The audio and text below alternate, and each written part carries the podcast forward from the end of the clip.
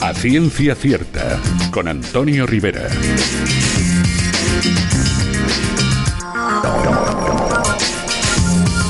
Hola, ¿qué tal queridos amigos? Bienvenidos todos a una nueva edición de A Ciencia Cierta, donde ya sabéis que tenemos un buen rato por delante para hablar y disfrutar de la ciencia.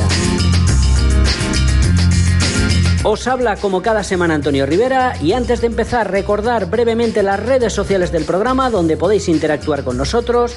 Ya sabéis que estamos en Twitter en arroba ciencia cierta guion bajo y también estamos en Facebook en A Ciencia Cierta con Antonio Rivera. Recordaros también que si queréis escuchar todos los programas que hemos emitido hasta el momento, lo tenéis que hacer a través de la página o la aplicación de iVoox. Ya sabéis, iVoox con dos OEs. Y como siempre, agradecer por su colaboración a la Unidad de Cultura Científica de la Universidad de Valencia y a la Fundación Española para Ciencia y Tecnología. Y sin más dilación, gracias por estar ahí una semana más y comenzamos.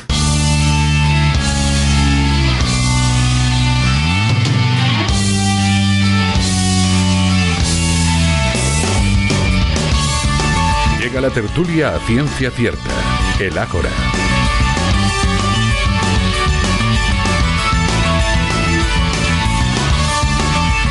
Sintonía del Ágora, sintonía de la tertulia aquí semanal en la Ciencia Cierta y vamos rápidamente a saludar a los contertulios que me van a acompañar durante el programa de hoy. Y empezamos por Ignacio Crespo, ya saben ustedes, médico y divulgador científico, coordinador de las páginas de Ciencia de la Razón y autor del libro Una selva de sinapsis, en- editado en Pay 2. ¿Qué tal Ignacio? ¿Cómo estás? Buenas noches. Pues muy bien, porque además estoy contento, estoy consiguiendo lo propuesto, que es venir con la frecuencia que venía antes. Sí, señor. Has, ah, bueno, has pegado un pico, estás en un pico. Estás Sí, en un pico de frecuencia. Sí, ¿eh? sí, sí. Oye, si te fijas, y bueno, vamos a decirlo, no pasa nada, pero si te fijas, lo que los que hacemos radio y hemos hecho radio y nos ha tocado alguna vez grabar algún programa de radio, tenemos la manía de decir buenas noches porque se emitía por la noche. Mm. Y sigo diciendo buenas noches a pesar de que esto hoy en día es un podcast. Es curioso. ya. Tendrás que acostumbrarte. A decir hacer buenas. Buenas. Hola. hacer como Truman, ¿no? En el show de Truman y saludar para todo ya. Exacto, ya. Para para todo el día. Claro, todo ese, los entresijos, lo que hay detrás. Pero bueno, todo bien, Ignacio, ¿no? Relajada la semana, como siempre, sí, sí. ¿no? Supongo. Sí, sí, súper relajada, no he hecho nada. Yo, yo Pues desde el lunes bueno, me he aburrido de no hacer nada. Ponte a estudiar, amigo, que no me estudias. ¿Verdad? Puede ser. igual, igual me meto en algo. Bueno, ya lo contaremos. Bueno, y también es un placer saludar a Dani Torregrosa, él es químico y divulgador científico, autor del blog S. Azul Pálido y del libro Del mito al laboratorio en editorial Cálamo. ¿Qué tal, Dani? ¿Cómo estás? Buenas. Pues buenas, buenas noches, Buenas tardes noches, o días. ¿Qué tal, Dani? ¿Cómo estás? Sea, muy bien, aquí encantado y agradecido por estar una vez más con vosotros. Y con Ya un sabes. tema tan interesante como el de hoy. Interesante, interesante. La verdad es que no es un tema muy habitual. No es un tema muy habitual en los programas de divulgación, lo adelanto, pero es un tema sin duda interesante y fascinante dentro del universo que nos gusta aquí en la Ciencia Cierta. Y gracias, como siempre, Dani, a ti por estar con A nosotros. vosotros, a vosotros. Y saludamos también, y es un placer saludar a Javier Burgos. Javi Burgos, es licenciado en Ciencias Biológicas y doctor en Biología Molecular. Ha desarrollado su carrera científica en el campo de la neurodegeneración y la enfermedad del Alzheimer. Actualmente es director general de investigación y alta inspección sanitaria de la Comunidad Valenciana y autor del libro Geografía de la Locura, editado en West Indies Publishing Company. Mm, ¿Qué tal, Javi? ¿Cómo estás? Buenas noches. Hola, hola, buenas, buenas noches, días. Eh, pues muy contento de estar aquí de hablar un tema tan divertido como este. Sí, y además, bueno, Javi Burgos ya estuvo en el programa una vez hablando del Alzheimer. Habíamos prometido que estaría alguna vez, pero bueno, dado sus cargos, ha estado bastante liado, como ustedes comprenderán últimamente.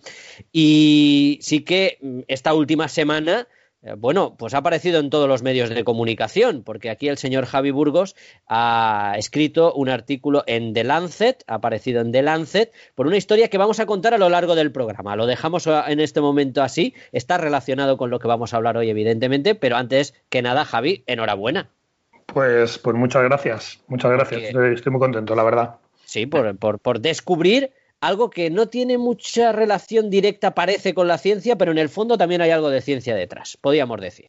Alguna cosita, y sí, luego lo, lo, desvelaremos a lo largo del programa. Perfecto, Javi, gracias, como decíamos, por estar aquí. Bueno, Ignacio, el tema hemos dicho que es fascinante, mmm, no muy tratado en los programas de divulgación, pero quiero que nos sitúes, Ignacio. ¿De qué vamos a hablar durante el próximo rato aquí en la Ciencia Cierta? Pues vamos a hablar de dos cosas que a priori no parecen tener que ver con la ciencia, o al menos mucha gente así pensará, y nos lo puede echar en cara en los comentarios, así que vamos a empezar por cubrirnos las espaldas. Hablaremos de historia y de arte. Pero hay una buena justificación para ello. Lo primero es que la historia puede ser ciencia, y esto a muchos les sorprenderá, pero oye, tampoco son noticias nuevas. Hace décadas que sabemos que se puede aplicar el método científico, o mejor dicho, los métodos científicos, o métodos que consideramos científicos en cuanto a su objetividad, rigurosidad, forma de cuantificar las cosas, y la historia no se salva de ello, igual que se ha aplicado a sociología, se ha aplicado a psicología, que en su momento utilizaba herramientas muy de humanidades puras, pues se aplica también a la historia. Y hay formas de analizar todos los datos que tenemos sobre un pasado y de ello inferir información a la cual podemos asociar cierta certeza, cierta seguridad. Y esto es lo importante. Entonces, partiendo de que la historia puede ser una ciencia, tenemos además algo que es incluso un poquito más científico para que todo el mundo lo entienda, y es la historia de la ciencia. Es más, las historias de la ciencia suelen llamarse ciencias de la ciencia. Son disciplinas de estudios de segundo orden que lo que hacen es estudiar otras cosas a su vez. Por ejemplo, historia de la ciencia no va sola, va con sociología de la ciencia, va con psicología de la ciencia, con filosofía de la ciencia, disciplinas que se van a encargar de ponernos en contextos sobre cómo han ocurrido determinados descubrimientos, cómo se han sucedido algunas investigaciones o el contexto de otro momento de la historia de la ciencia. Todo esto va por ese camino y nosotros ya estamos acercándonos a lo que vamos a pretender, que no es solamente hablar de historia, sino de Historia de la ciencia. Ya solamente con eso, y sabiendo la trayectoria de este programa, que nos gusta mucho la historia de la ciencia, tendría que estar más que justificado. Pero ahora lo que toca es fundamentar por qué hemos decidido hacerlo con arte, ¿no? En vez de cualquier otra cosa. Pues resulta que hay que plantearse de dónde se obtienen las fuentes históricas. Las fuentes históricas no son todo documentos de primera mano escritos hace un porrón de tiempo. Tenemos muy distintas fuentes. Tenemos primarias, las fuentes primarias son aquellas que, oye, vas a consultar directamente a aquel que ha producido ese conocimiento, por decirlo de esa forma, y tienes las escritas. Las escritas son pues, lo que todos tenemos en mente, documentos, periódicos, tratados, cosas que ha escrito determinado investigador en un momento dado para relatar aquello que acaba de descubrir. Vale, evidentemente eso es una fuente de bastante fiabilidad.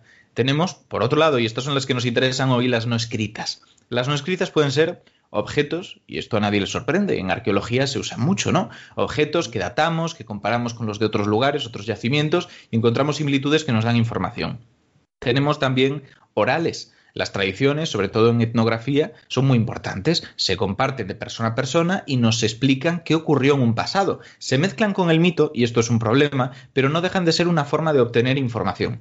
Por otro lado, tenemos la iconografía. Y esto ya es todavía más zoom a lo que vamos a tratar hoy. Dentro de la iconografía nos encontramos de todo. El cine, de alguna manera, también es un registro de lo que ocurrió en otro momento. Las fotografías también son, digamos, las gráficas de todo esto. Y luego tenemos las plásticas, esa versión de la iconografía plástica, dentro de la cual, y ahora al final acabamos este recorrido a lo profundo de la justificación, encontramos esculturas, encontramos eh, pinturas, grabados, y en estos dos últimos, pinturas, grabados, cosas similares, vamos a hacer hoy un poquito de explicación. Vamos a tomarlos como la fuente a partir de la cual conocer algunas cosas interesantes de la historia de la ciencia y la historia del pensamiento científico.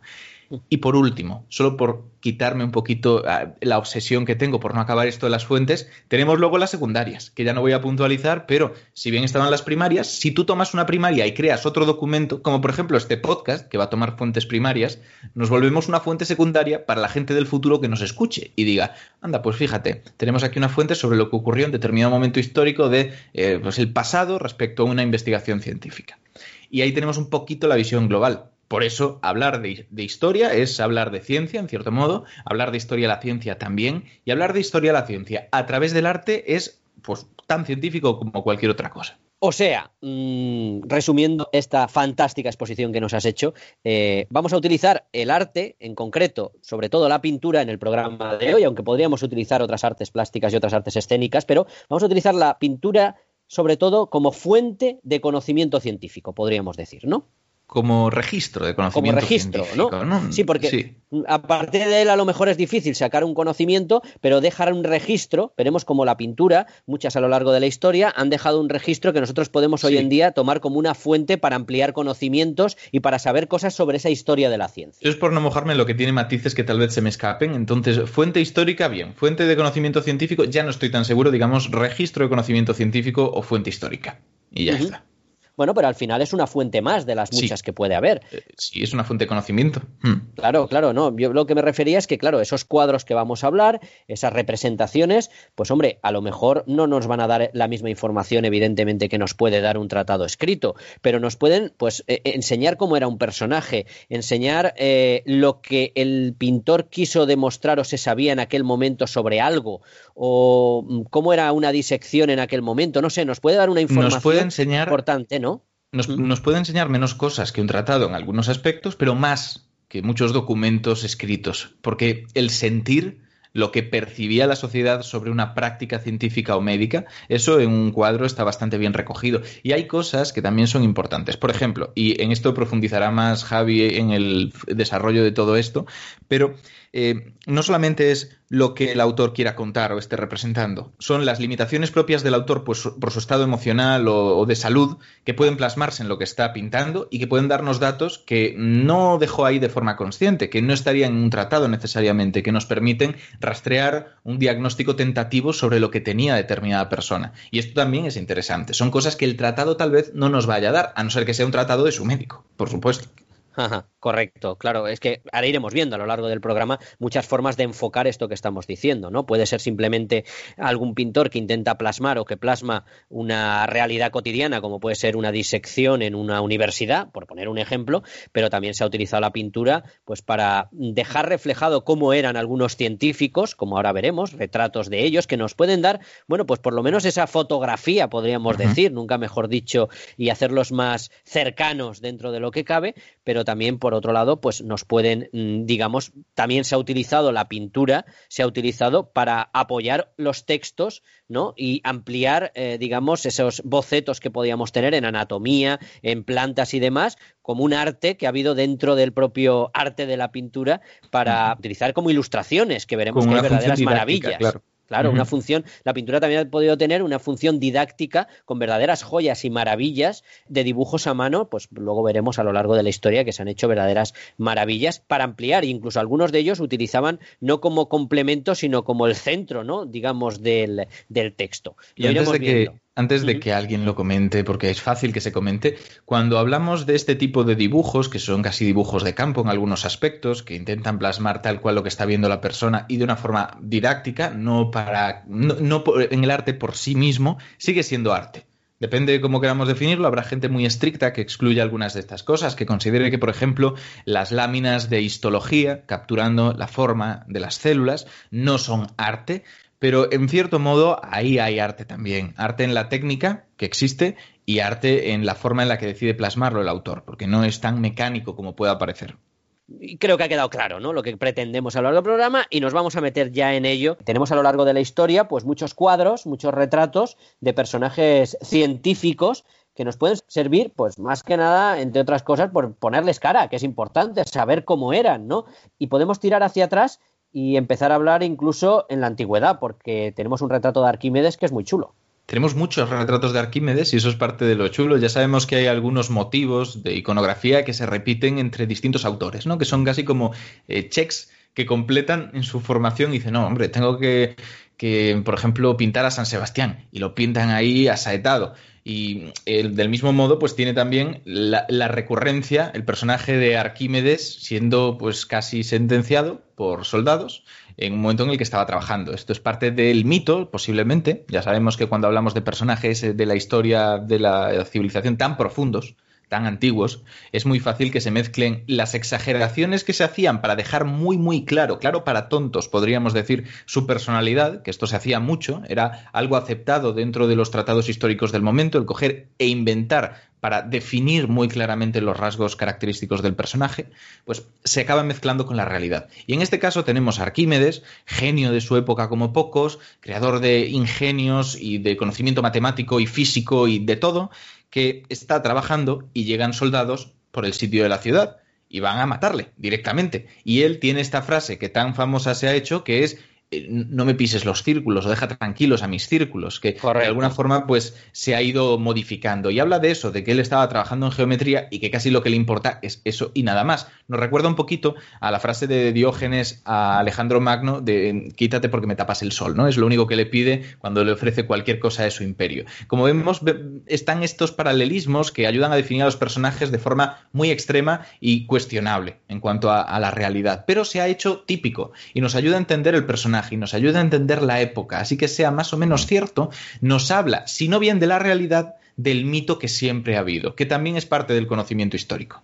Y en este caso tenemos a Arquímedes, dibujado por mucha gente distinta, en esta situación tan comprometida al final de su vida.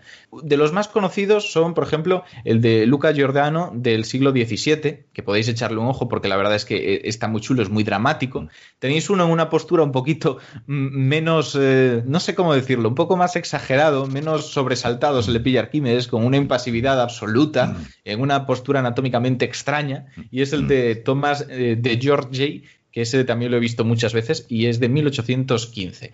Pero por si queréis además complementarlo, no se trata solamente de ver a Arquímedes en un momento mm, complicado de su vida, porque ha sido motivo de otros cuadros mucho más tranquilos, donde vemos tal vez al, al sabio de una forma diferente. Y está el ejemplo del de Domenico Fetti, en el cual simplemente está pensando. Y esto es importante por otro motivo. Si comparamos todos estos cuadros, teniendo la suerte de que haya tantos, vemos que los rasgos que comparte Arquímedes es en algunos cierta corpulencia, una persona que, bueno, pues si bien tenía mm, el cuerpo que no estaba perfectamente definido, tenía buena musculatura, ¿no? Muy típico de estos dibujos de aquella época, basados en realmente esculturas que eran muy arquetípicas. Y la barba, la barba larga, que de hecho ya sabemos que todo esto se basa en todo caso en bustos atribuidos a su persona, igual que a la de cualquier otro personaje histórico de la antigua Grecia, que es muy típico reconocer su imagen por los supuestos bustos que tenían, pero a la vez estos bustos siempre existe la duda de si eran suyos o eran de Zeus, porque al final era un poco el mismo canon estético. Entonces, son cosillas a tener en cuenta, pero que a través de la pintura nos ha llegado, ya sea el mito o la realidad. Mm. De todas formas, bueno, dos apuntes. Uno, evidentemente en broma, para los que aquellos que digan que la barba es algo moderno. Fíjate tú, no lleva tiempo ni nada. Pero por otro lado, decir que, claro, estamos viendo dos facetas, ¿no? Claro, hay una pintura en plan en la cual se hace un retrato de verdad fidedigno con esa persona mm, posando, ¿no? Porque había quien se hacía retratos y se posaba para hacer esos retratos, y otro tipo de pintores que han buscado personajes históricos importantes, personajes históricos trascendentes, incluso en momentos estelares, ¿no? Como puede ser ese momento del círculo o puede ser la manzana que cae de Newton, ¿no? ¿Cuántos cuadros hay al respecto? Claro, es una forma también del arte de representar un momento histórico como puede ser una batalla, pues puede ser un momento histórico como este o el de Newton eh, cayendo la manzana o el de Arquímedes gritando Eureka. También sería una forma gráfica de representar algo histórico, ¿no? Sí, sí, sí, tal cual. Eh, vamos a otro que es muy interesante y muy, muy conocido, es, eh, y tiene que hablar con la química, con lo cual le voy a preguntar directamente a Dani, porque de Lavoisier, acompañado con su mujer, muy importante en este caso el por qué acompañado de su mujer, ahora lo comentamos, pero hay uno muy importante con Lavoisier. Con la cabeza todavía, ¿eh? Con la cabeza todavía. Yo diría que es la mujer acompañada de la. Venga, te lo he puesto para que lo dijeras. Fantástico. bueno, esto es una maravilla. Sí. Bueno, primero, eh, todo oyente debe de buscar el, episodio que dedicamos a la Boisier, donde hablamos muchísimo de Marianne, de su esposa, y de la importancia que tuvo eh, a la par que, el, que el que ha pasado más a la historia, que es Antoine, su marido. Y este cuadro, este cuadro que es de 1788, seguro que la gente lo reconoce, es este cuadro del autor Jacques-Louis David, pues aparece eh, Marianne en el centro del plano mm, con un vestido blanco totalmente muy luminoso, mirando, mirando al espectador del cuadro. Y tiene al lado a, su marido sentado con una pluma y luego con, con equipos, equipos de, de laboratorio se observa un barómetro, un balón un de destilación, con su llave de paso. O sea, instrumentos que Lavoisier utilizaba en sus investigaciones, que luego Marianne dibujaba perfectamente. Dicen por ahí, dicen las malas lenguas, realmente Jacques Louis David estaba enamorado de Marianne, que fue alumna suya. O sea, Marianne aprendió a dibujar en la escuela de, de David. y parece ser que, bueno, que ese enamoramiento lo trasladó en ese cuadro. Ya no sé si es cierta la historia o no, pero a mí me parece muy bonita. Mm. Sí, no, desde luego el protagonismo lo tiene, pero mm, podemos pensarlo desde dos puntos de vista, que era un enamoramiento y le quiso dar ese protagonismo, pero también inconscientemente, sea por eso o no, le dio el verdadero protagonismo que tuvo Marien en esta historia de la Boisier, porque ya lo comentamos en el programa, es uno de los casos en el que aquí ella tuvo tanto valor como él, por así decirlo, a lo mejor es exagerar un poco, pero que no fue simplemente un acompañante en este proceso de investigación, sino que ella trabajaba a su lado en el laboratorio, aprendió idiomas para hablar con diferentes eh, científicos y enviar cartas a otros países eh, para mantener el contacto con ellos. Eh, ya te digo, aprendió varios idiomas y le ayudaba constantemente e investigaba con él en el laboratorio. No sé cuánto, porque no sabremos hoy en día cuánto hizo cada uno, pero por lo menos en el cuadro está a su nivel o, por encima, podríamos decir. No sé si por el enamoramiento, pero sí un poco de reconocimiento, Dani. Sí, sí, totalmente. Y sobre todo esto, hay que decir que vemos un ejemplo claro de cómo la historia de la ciencia ha sido parte de la historia. Porque muchas veces cuando se nos enseña historia, sobre todo en el instituto, lo que vemos es la historia de los reinados, la historia de los, los políticos, la historia del poder. Pero ha habido muchas otras historias. Ha habido una historia de la economía, ha habido una historia de la filosofía que nos enseñan en filosofía cuando tendrían que enseñarnos a filosofar. O sea, es un caos bastante grande. Y ha habido, por supuesto, una historia de la ciencia. Y esa historia de la ciencia era una parte, como cualquier otra. Y tenemos a personajes como Lavoisier, que fueron plasmados por Jacques David, David, que era un grandísimo pintor de la época y que tenía otros cuadros que han pasado a la historia, como pues, la muerte de Sócrates o la muerte de Marat o eh, el juramento de los Horacios, muchos cuadros que conocemos y que no asociamos necesariamente con eso, con una persona que estaba en un momento histórico y que también era partícipe de los descubrimientos científicos.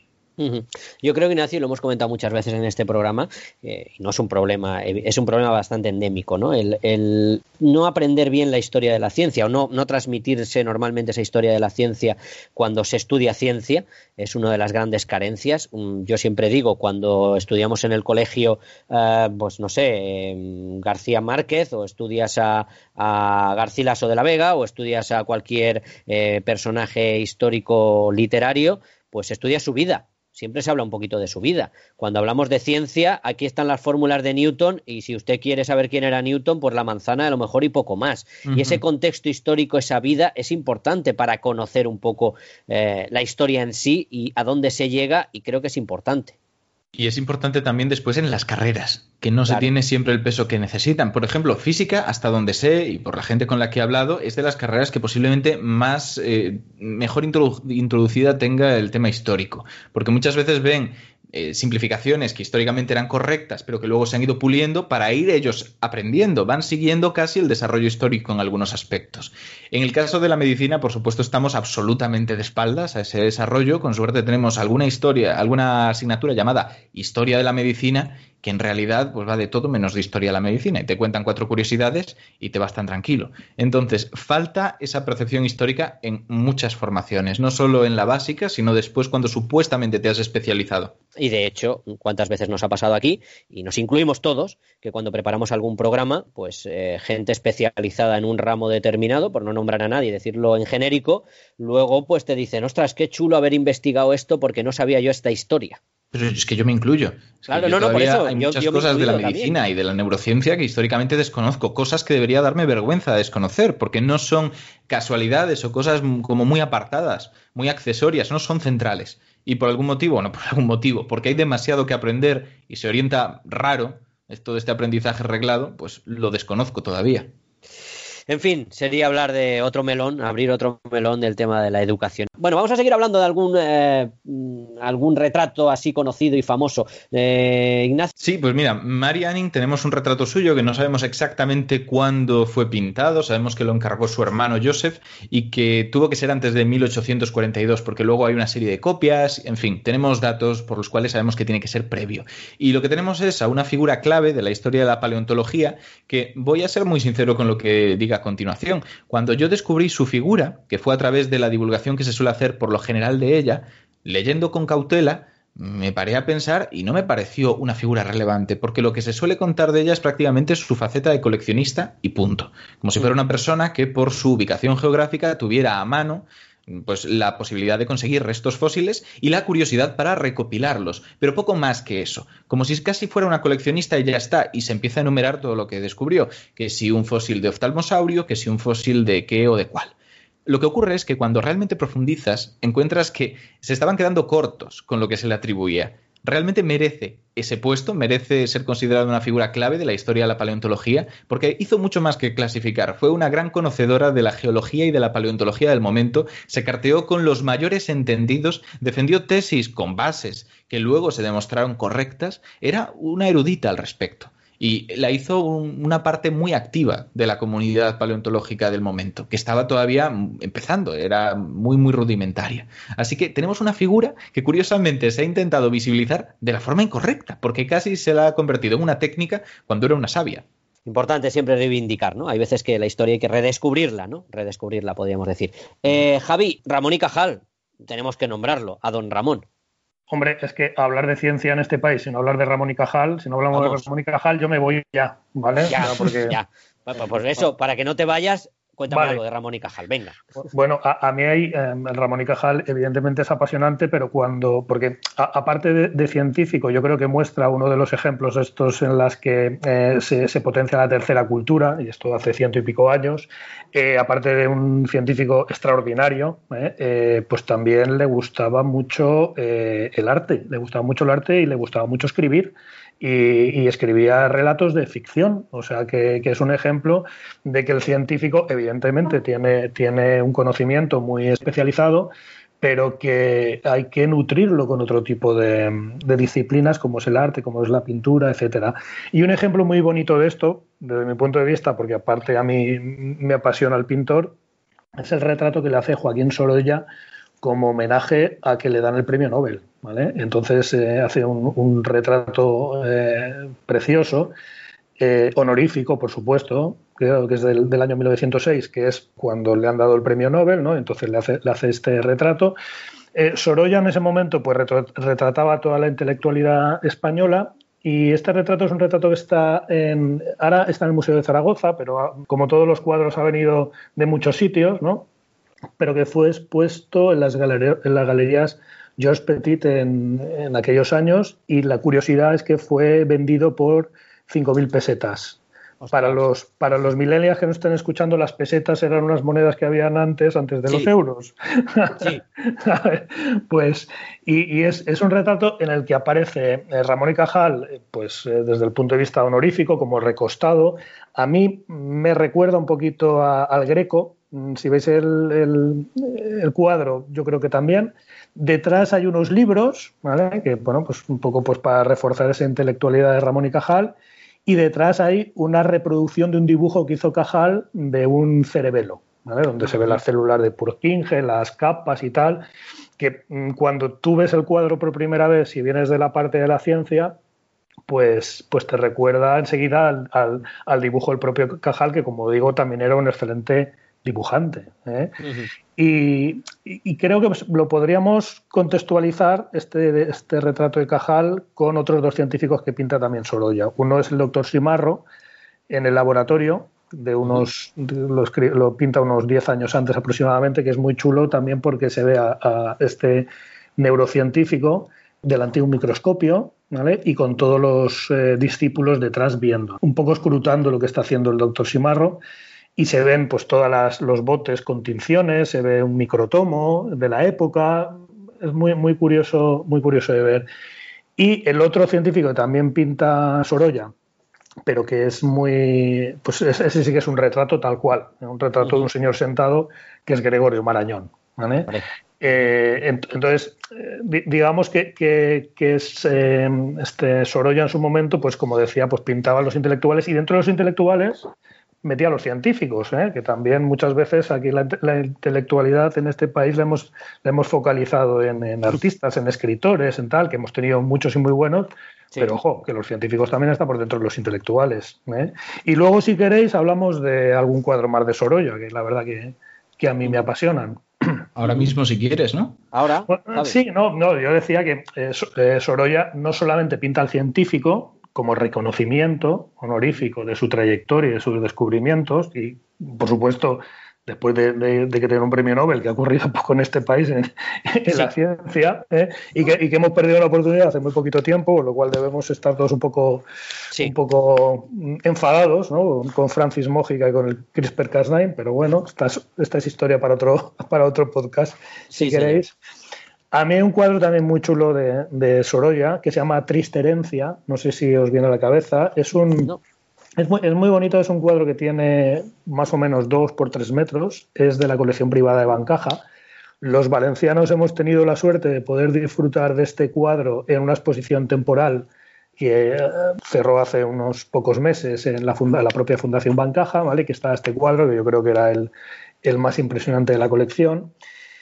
Y este es un, cuadro que representa eh, cómo los, eh, los, monjes de la Orden de San Juan de Dios llevaban a la playa al Cabañal a los niños con, problemas, ¿no? los niños enfermos.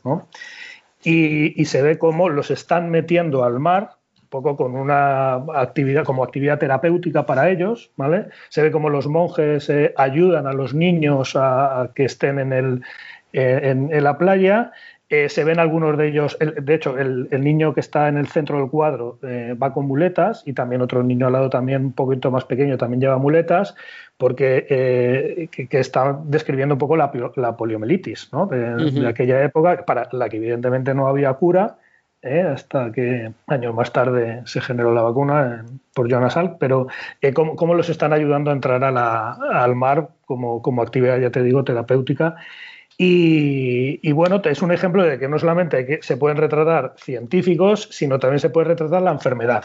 ¿eh? la enfermedad desde un, desde un punto de vista pues, pues más de, de, acompañamiento en, en, este caso. ¿no? Y este, este es un cuadro, por cierto, que, compró la colección Bancaja y estaba en Nueva York, estaba en la iglesia de Asunción de Nueva York y lo, compró allá por los años 80 y ahora, bueno, pues forma parte del patrimonio valenciano. Está, como digo, es una fundación privada, pero lo tenemos aquí y lo podemos ver habitualmente. Estaba viéndolo mientras hablabas y el cuadro es tremendo, ¿eh? no lo conocía y el cuadro es, es tremendo. Eh, lo que refleja, y además eh, estando en la playa, ¿no? en la playa de Sorolla, que mm. yo creo que nadie ha pintado y ha reflejado mejor los tonos mediterráneos como hizo, como hizo Sorolla. Y hablando de tonos mediterráneos y hablando de tal, estaba yo pensando la cantidad de cuadros que se han utilizado para estudiar cómo era el cielo cómo eran los colores del cielo, cómo eran las primaveras o los inviernos en tiempos pretéritos, porque recuerdo cuadros que ilustran, por ejemplo, la pequeña edad de hielo cuando se eh, efectuaban, por ejemplo, encima del Támesis ferias heladas, ¿no? El Támesis se helaba y se efectuaban ferias encima del Támesis helado por Londres. Claro, hoy en día eso es impensable, pero tenemos esos cuadros que en aquel momento se hacían y nos reflejan Evidentemente hay textos escritos que también lo hacen, pero bueno, la imagen te refleja lo que era la realidad del momento hay cuadros en los cuales se ven estrellas, en los cuales se ven planetas, en los cuales se ven conjunciones. Luego hablaremos un poquito de eso. Pero mm, también cuando un pintor pintaba esos cuadros como William Turner pintaba esos cielos ocres, luego hemos encontrado esa explicación del, del, año sin verano, por ejemplo, ¿no? O sea, que la realidad a veces dibujada sin buscar más que ver la realidad, luego podemos sacar conclusiones de ellas. Javi, ¿querías comentar algo? No, me, recordaba lo que estabas contando precisamente a William Turner y a sus, a sus reproducciones del año sin verano, porque eh, Exacto. que fue el, como todos, todos bien sabéis, el inicio de, Frankenstein de, de ¿no? Pero te, lo eh, y, de repente ves un cuadro de William Turner eh, reflejando el cielo londinense de ese año y de repente lo entiendes todo. Antes hablabais de que, de que existía el registro escrito eh, y luego están los cuadros, y los cuadros son ejemplos maravillosos de la ilustración del registro escrito en un momento que la fotografía todavía no existe. ¿no? Ahora estamos acostumbrados a los artículos científicos, donde es muy habitual tener, un, tener una fotografía que te ilustre el, cuadro, pero antes, perdón, el artículo, pero antes no ocurría así. Estaban los tratados de los, de los especialistas a excepción de algunos de ellos, y de repente aparece un cuadro de la misma época que te permite interpretar lo que te está contando el especialista. ¿eh? Y con suerte tal vez el especialista fuera buen dibujante, cosa muy típica cuando te dedicabas a ciencias naturales y hacía unos buenos esquemas, unos buenos bocetos, pero es verdad que no es lo mismo. Y sobre lo que habéis dicho, a mí me parece muy interesante porque si bien todos esos cuadros plasmando el cielo londinense son muy buenos para tener una confirmación o una experiencia subjetiva sobre lo que ya se ha confirmado en los tratados, hay casos en los que se ha llevado al extremo, y uno de los más paradigmáticos es posiblemente aquella afirmación de que los griegos clásicos no podían ver el color azul, que posiblemente lo hayáis escuchado, porque no utilizaban el azul en sus obras cuando tenían que pintar, según dicen, y tampoco estaba el azul como tal en muchos de sus, de, sus eh, libros, de sus eh, novelas, de sus historias, de sus poemas. Y lo que ocurre en este caso es que se ha llevado al extremo, que sabemos ahora mismo que esto no es cierto, que todas las teorías que se han intentado derivar de ello sobre una mutación genética que ha aumentado los conos de nuestra retina, pues no se sustentan. Entonces, está bien siempre intentar acompañar de, pero para esa dimensión subjetiva vienen maravillosamente. Ignacio, de todas formas, yo quería que comentáramos la curiosidad de los retratos o no retratos de Robert Hooke, pues eh, eso es bastante curioso porque si bien de muchísimos tenemos, de Robert Hooke parece ser que no, y no es por casualidad. Tenemos la historia, por supuesto, siempre que hay cosas oscuras en este momento de la historia de la ciencia, sobre todo en, las Islas Británicas, hay que pensar en Newton, ¿no? Newton se llevaba mal con casi todo el mundo, salvo honrosas excepciones que habían contribuido muy activamente a, su labor y, de forma pues poco, no sé cómo decirlo, eh, poco amenazante. Pero tenemos un caso que era extremadamente conflictivo y era el de Hooke. Robert Hooke no se llevaba nada bien con Newton, si con el resto de la gente tenía cierta animadversión, hacia Robert Hooke era directamente odio y de forma bastante vengativa. ¿Vengativa por qué? Porque cuando Newton consigue acceder a la presidencia de la Royal Society, que de hecho es presidente entre 1703 y 1727, lo que hace es, como venganza, toma un cuadro, el único que se conocía de Robert Hooke por aquel entonces, que estaba allí, y lo destruye.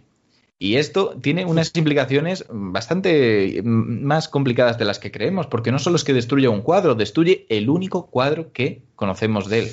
Nos quedamos sin la imagen de Robert Hooke, una imagen que tal vez habría sido, pues, sin más, muy normalita, pero es que se le describe como extremadamente feo al pobre. No sabemos si por esa forma en la que se reescribe la historia en función de la subjetividad de Isaac Newton o por qué, pero desde luego nos deja con la incógnita de cómo era Robert Hooke nos hemos quedado con las ganas de saber cómo era Robert Hooke. Se ha creado un mito alrededor de él por no conocerlo, por no verlo. Javi, querías comentar. Y, sí, y nos quedamos con las ganas también de conocer el rostro de muchas científicas. ¿eh? Porque desde, desde, luego ha habido un, un, silenciamiento también en esto, en el arte de pintar a científicas. Solamente tenemos científicos.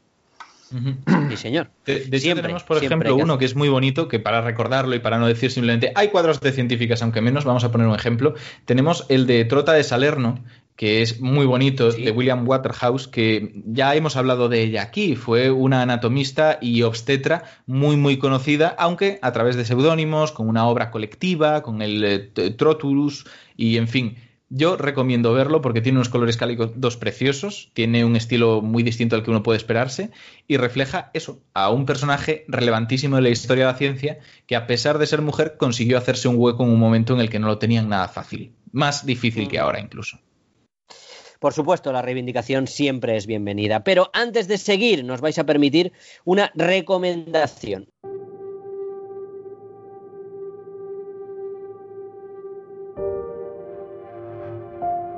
En este programa hemos hablado en muchas ocasiones del COVID-19. El año pasado, sin ir más lejos, realizamos muchos programas especiales intentando tratar desde diferentes prismas esta pandemia que estamos todavía viviendo. Por eso estamos deseando ver y os recomendamos desde aquí que lo hagáis vosotros también el nuevo documental que HBO estrena este próximo 7 de febrero con el nombre Vitals, una historia humana. Un documental en el que en tan solo tres episodios vais a poder vivir los retos físicos y emocionales de esta pandemia con historias reales. Historias muy íntimas y duras, pero también llenas de emoción y de generosidad, en las que los protagonistas son pacientes y sanitarios de un hospital que nos muestran la capacidad que tiene el ser humano de enfrentarse a las peores circunstancias. Se trata en definitiva de poner nombre, apellidos y caras a los fríos números de la pandemia. Así que ya lo sabéis, a partir del día 7 de febrero tenéis disponible en HBO España Vitals, una historia humana. Nosotros estamos deseando verlo y os iremos contando un poco más de estas historias en los próximos programas.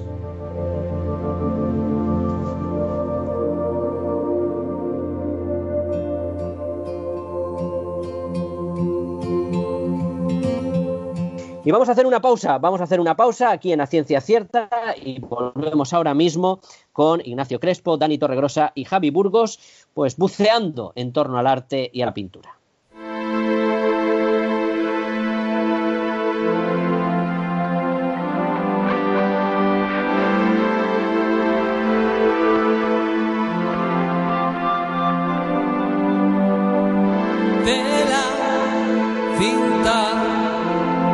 A empezar. Lápiz, tinta y al paisaje a robar. Y al placer de reencontrar el limbo de un tiempo que se nos va. Libro, nube,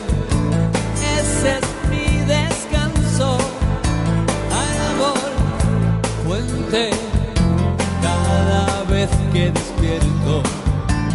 Ser durmiente.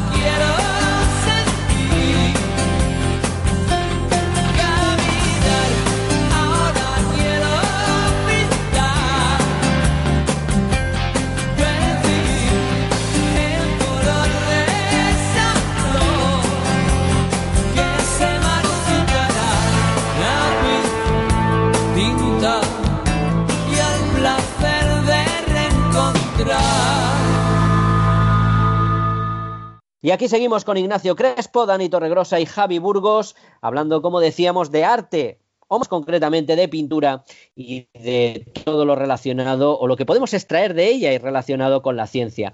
Y hemos visto ya algún aspecto, como esos eh, retratos, ¿no? Más eh, verídicos o menos verídicos, más novelados o no, podríamos decir, en los cuales se habla de científicos o aparecen científicos o momentos estelares de la ciencia, pero mm, también se ha utilizado la pintura para otras muchas cosas. Javi, Incluso se ha utilizado para que los propios autores enfermos se dibujaran a sí mismos. Correcto. ¿Esto es así? Sí, sí, eso ah, ah, tenemos, tenemos ejemplos, ¿eh? tenemos ejemplos. Yo, como por, por de formación profesional, pues eh, he leído más cosas sobre enfermedad de Alzheimer, pues son los ejemplos que me vienen a la cabeza. Pero, pero bueno, hay un ejemplo muy mm, paradigmático, que es el de William Uttermolen, que es un, pintor de origen alemán, eh, pero estadounidense, eh, que estaba, su mujer era historiadora del arte, ¿no? Eh, era un pintor reconocido y que en un momento mm, se le diagnostica la enfermedad de Alzheimer, ¿no? Y el tipo era un buen retratista, ¿no? Un buen retratista y, hacía, se hacían muchos autorretratos. Y a pesar de tener la enfermedad, el hombre decide seguir pintándose. Entonces es muy curioso ver esa evolución de cómo va progresando la enfermedad y eh, cómo se va viendo él a sí mismo, cómo es capaz de retratarse a sí mismo. Y tú ves cómo se va perdiendo la capacidad que tenía ese pintor de, realizar sus propios autorretratos. Eh, el, hombre le, diagnostican en, el año 1995 y muere en el año 2007. Y su, su, propósito era pintarse todos los años, pero llegó el hombre hasta 2000. A partir de 2000 ya no es capaz de pintar nunca más pero ha dejado un legado muy, muy curioso ¿no? de, cómo eh, la enfermedad por dentro va afectando a la capacidad eh, pictórica en este caso. Es, verdad que la enfermedad de Alzheimer te produce una serie de cambios de todo tipo ¿no? y te produce perder una serie de, capacidades, pero vamos, eh, vista desde el punto de vista del pintor es muy curioso. Y, por cierto... Curioso, y tremendo, ¿eh, Javi? Curioso y tremendo. Por, cierto, él decide en un momento dado donar su cerebro para la investigación científica y pinta un autorretrato que se llama Autorretrato con Sierra. Con lo cual me, parece eh, tremendo, ¿no? Porque evidentemente para sacarle el cerebro, y aquí tenemos Ignacio, que es, médico, para sacarle el cerebro a un, a un cadáver, supongo que tienes que utilizar una sierra, no se me ocurre otra forma de sacarlo. Ahora, lo que se utiliza ahora, mucha gente cree que es una sierra radial, que sería una sierra que tiene un disco que gira a 360 grados y continúa en la misma dirección, pero lo que se suele utilizar es una sierra oscilante, que em, funciona por fricción tal cual, no corta exactamente y lo que evita es que salgan astillas, que se fracture, es más delicada. Lo que hace es pendular de un lado a otro, yendo y volviendo constantemente. Mm. Entonces, primero es esto, pero luego tienes que abrirte paso a través de todas las meninges para poder separar el cerebro. Y claro, también depende de la, persona. Esto lo sabes perfectamente, Javi. Cuando hablamos de una persona ya de una edad avanzada y queremos sacar el cerebro, nos encontraremos muchas placas seniles que dificultarán la labor de separarlo de meninges, de, trabajarlo con, claridad, de poder ver sus estructuras. Y también hay que trabajar eso. Tú, ves ese autorretrato y nadie te cuenta nada y ves un señor y una sierra. Bueno, no te dice nada. Claro. si, conoces lo que hay detrás, pues es, es, es, wow. es wow, es wow. Y ejemplos de esto hay más, ¿eh? no solamente William Luther Antes de que me digas otro ejemplo, Javi, mm, me parece fascinante lo que estáis comentando porque mm, estaba yo pensando, y claro, aquí los expertos más en el tema sois vosotros, pero mm, ¿cuántos textos hay que llenar para explicar simplemente esa imagen o esas imágenes, una detrás de otra, de esas pinturas?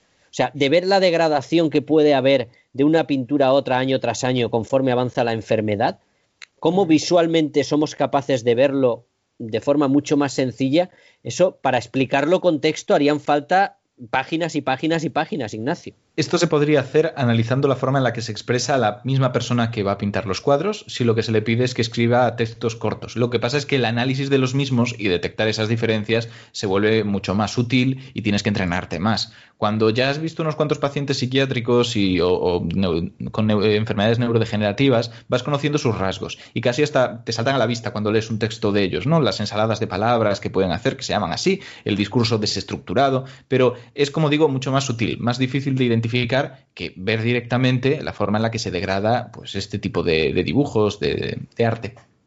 Sí, esto, esto básicamente es también lo que se le pide a los pacientes cuando le piden que dibujes un reloj marcando las oncidias, ¿no? Esta es, eh, eh, es uno de los ejemplos, uno de los test que se pasa a muchos de los pacientes de los que se sospecha que la enfermedad de Alzheimer. Pues, pero esto es un ejemplo de, una, vamos, de, un pintor eh, reconocido, ¿no? Correcto. Y, no solamente, como te decía, no solamente William, hay otro que se llama Carolus Horn, que el hombre le daba por pintar el puente Rialto de Venecia. ¿Vale? Y también, también le diagnosticaron la enfermedad de Alzheimer y creo que tenemos hasta cinco cuadros del puente Rialto de Venecia durante el proceso de enfermedad y, también es muy eh, curioso de ver. ¿eh? Pero totalmente, o sea, hay muchas patologías que incluso en los test que están ahora mismo validados para diagnosticarlas o ver su progresión, se pide que copien dibujos. Por ejemplo, en la escala Lobo, en el Minimental, pues se piden estas cosas. Y del mismo modo, cuando hablamos de mianopsias, gente que tiene por algún tipo de alteración solo atención en una mitad de su campo visual, de su campo perceptivo, y la otra la neglige por completo, lo que se suele pedir también son dibujos, donde dibuja solo la mitad de los objetos creyendo que están completos. O sea, acaba siendo muy, muy revelador y hay casos extremos donde lo vemos. Yo, si no os importa, os voy a poner también un ejemplo de esto, algo más especulativo, pero que se suele comentar, y es el del greco. Cuando pensamos en las pinturas del Greco, pues nos viene a la cabeza esos rasgos afilados que tenían muchos de sus personajes, incluso él mismo cuando se pintó. Tan afilados que llaman la atención y nos hace preguntarnos por qué. Lo más plausible, lo más parsimonioso, por decirlo así, es que simplemente le gustara esa estética, punto, su seña de identidad. Pero hay otras explicaciones que plantean que el Greco tenía síndrome de Marfan. Y esto podría tener dos consecuencias. Síndrome de Marfan es una enfermedad, una enfermedad del colágeno que lo que hace es alterar tus tejidos conectivos, tus ligamentos y tu piel, determinadas estructuras que tienen mucha importancia estructural en ellas el, el colágeno. Al alterarse, vemos que también hay no deformaciones, pero sí cambios en las proporciones de muchas partes del cuerpo. Aracnodactilia, por ejemplo, que es de dos largos, eh, articulaciones hiperflexibles, hiperlaxas, como puede ser el caso de Michael Phelps, que es típico. Michael Phelps tiene síndrome de Marfan y eso le permite lanzar los brazos hacia adelante con un ángulo de cierre pues, muy, muy, muy exagerado. En este caso, se plantea que podía tener estos rasgos y que por lo tanto dibujaba todo como él mismo era en cuanto a su enfermedad, pero esto también es un poco raro. Así que se ha encontrado otra interpretación que dice que si bien tenía síndrome de Marfan, aparte asociaba una cosa que se llama ectropia lentis, que es que el cristalino de tu ojo se desplaza y altera las proporciones y la definición con la que ves las cosas. Es muy típico el síndrome de Marfan, es como una luxación. Cuando se te sale el hombro del lado, pues en vez de salirse el hombro, se te sale el cristalino, la lente que hay dentro de tu ojo.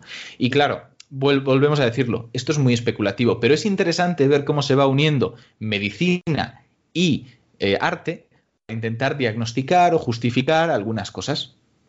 Fascinante. Javi, querías comentar. Sí, yo, yo, quería hacer un, contar una anécdota sobre lo que estáis contando, y es que en El hombre melancólico, en la, monomanía esta que, he publicado en Lancet, cuando lo conté en Twitter, eh, enseguida eh, Raquel Yotti, la directora del Instituto de Salud Carlos III, que evidentemente es una persona muy inteligente y, muy avispada, eh, me dijo, oye, ¿a ti no te parece que, que el hombre melancólico tiene lipoatrofia? Y yo no me había dado cuenta, la verdad, os tengo que decir. Y, ¿Qué, es lipoatrofia, Javi? Pues, eh, eh, que, lo explica el médico, pero vamos, el... o, Ignacio. Bueno, por seguir con la historia, es, una, una, pérdida de materia grasa que, es, que es significativa, o sea, que, es eh, que cursa en algunas enfermedades, ¿no? Entonces, pues sí que tuvo esa apreciación. No sé si tú, Ignacio, quieres dar una aplicación más, más médica del tema. Yo creo que para los propósitos que estamos tratando, decir eso es correcto. Se ven partes como eh, relieves en la piel, bajo relieves, que se deben a eso, a la atrofia de tejido, eh, tejido graso. Luego volveremos es muy, a la Es muy curioso porque se, asocia a la lipoatrofia semicircular, creo que es lipoatrofia semicircular amiotrófica, algo así, a la electricidad estática y al síndrome del edificio enfermo. O sea que es una enfermedad moderna, ¿eh? Es una enfermedad o un cuadro o un, síndrome, por, así decirlo, que son muchos síntomas. Mm. Podría otro, otro, programa de eso. Mm. Sí, sí, no, no, ya sabéis que de cada programa salen varios programas. Yo voy, tengo la lista aquí al lado y voy añadiendo, ¿no? Eh, de todas formas, hemos visto, y nos comentaba Javi, bueno, eh, entre todos hemos comentado, ese utilizar esos dibujos mm, por los propios enfermos, ¿no? Para ver su evolución, o incluso, no sé yo, Ignacio, si decir podemos arriesgarnos a decir que incluso se pueden utilizar un dibujo para diagnosticar. En cierto modo sí, por lo que hemos dicho, porque a veces se pide que se hagan dibujos que están muy pautados, que están muy estudiados, con escalas ya validadas, para saber qué tiene el paciente. Cuando hablamos de casos antiguos que no pueden tener otro apoyo a través de anamnesis, de la entrevista con el paciente, es mucho más peliagudo. Ya hemos dicho aquí que diagnosticar el pasado eh, es casi un juego más que ciencia, que tiene ciencia, pero que sus conclusiones tienen que cogerse mucho con pinzas. Entonces, hacerlo ya a través del el arte se vuelve más complicado. Como digo en el caso del Greco, es muy especulativo. Es interesante, es divertido, que también es importante, y nos ayuda a aprender, pero no es necesariamente verdad. Ya. Y más allá de enfermedad, eh, no sé mm, si me estoy metiendo en un jardín, pero esto que ha visto uno en películas y demás, ¿no? De que los niños dibujan y dibuja uno eh, un dibujo que llama la atención al psicólogo mm, tal, que este tiene problemas porque ha dibujado tal. Esto pasamos del tema. Aquí no hablamos de psicoanálisis. Esto, tiene, esto tiene muchísima fundamentación en el subconsciente, en el ello, en cómo se manifiestan todas estas pulsiones. Son test proyectivos, como puede ser el de Rorschach también. Y se ha demostrado que los test proyectivos no tienen ninguna validez, que son muy dependientes de la interpretación que se da de ellos, que aunque esté reglada, sigue siendo muy subjetiva y que por lo tanto, pues mira, si algo puede significar tanto que el niño se cree un dios como que tiene complejo de inferioridad, pues poca información real nos da, no es falsable. Tiene problemas metodológicos muy fundamentales todo esto. Vale, o sea que no se asuste usted al ver el dibujo de su hijo o de su, a ver, su sobrino de primeras, de primeras. Sí, si el hijo dibuja, pues no sé, un perro destripado, pues tendrás que preguntarte por qué tu hijo piensa en pues esas cosas. Claro, vale, pero eso es independiente de los test proyectivos. Vale, vale, vale. Javi, querías comentar. Sí, no, yo, coincido con, con, Ignacio en la lectura, y, pero le podemos dar la vuelta a la historia. Y es también, eh, estamos hablando ahora eh, de, los, de este tipo de test, de, los, de las pinturas que pintan los pintores enfermos, y le damos una vuelta y es eh, los enfermos que pintan pinturas. ¿Vale?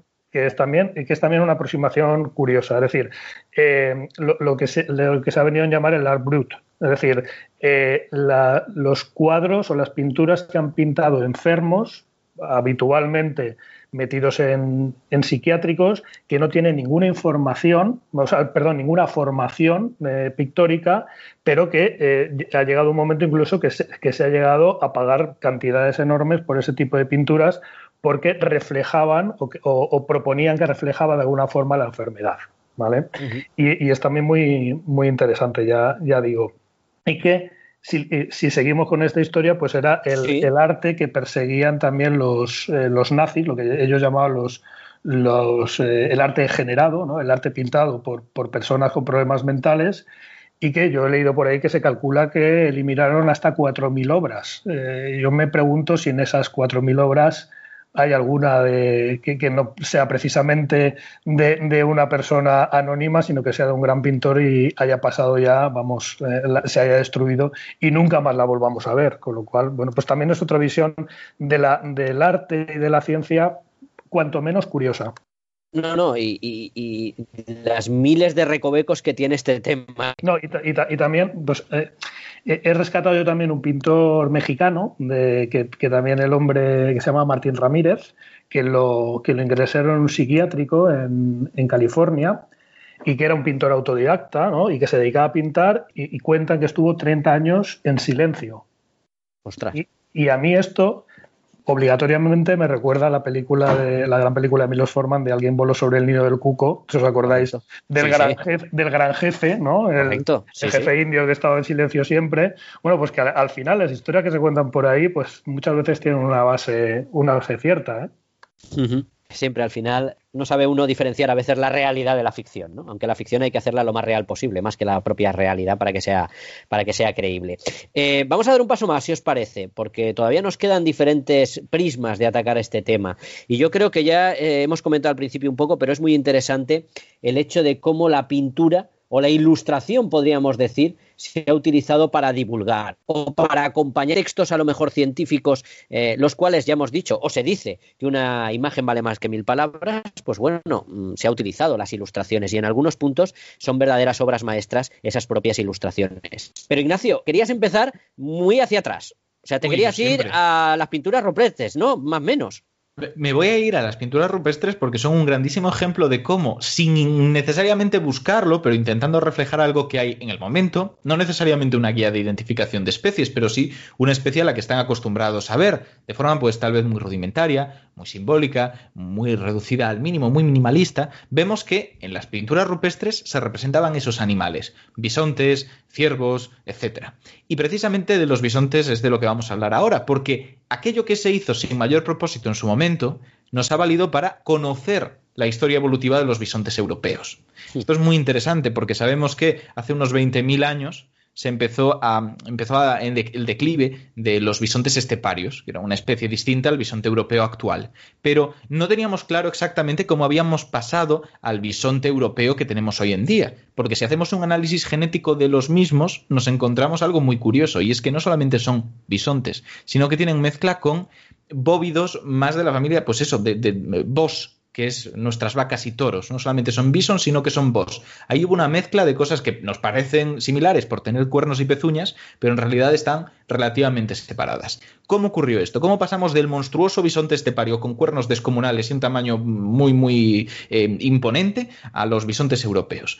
Pues había algunos estudios genéticos, se hablaba de algunas teorías sobre cómo poblaciones que había en Rusia, momentos en los que no tenían con qué reproducirse, empezaron a mezclarse con vacas, pero se encontraron restos que tenían una combinación genética bastante diferente, que era como más primaria, por decirlo así, donde todavía imperaba mucho el bisonte sobre la genética de la vaca. Y esto nos permitía más o menos empezar a trazar su árbol filogenético, su origen, a lo cual se sumó algo más, porque esto eran teorías, pero es que resulta que en aquel mismo momento histórico, por cómo se datan las pinturas rupestres, la forma en la que se empezaron a retratar los bisontes en prácticamente toda Europa cambió.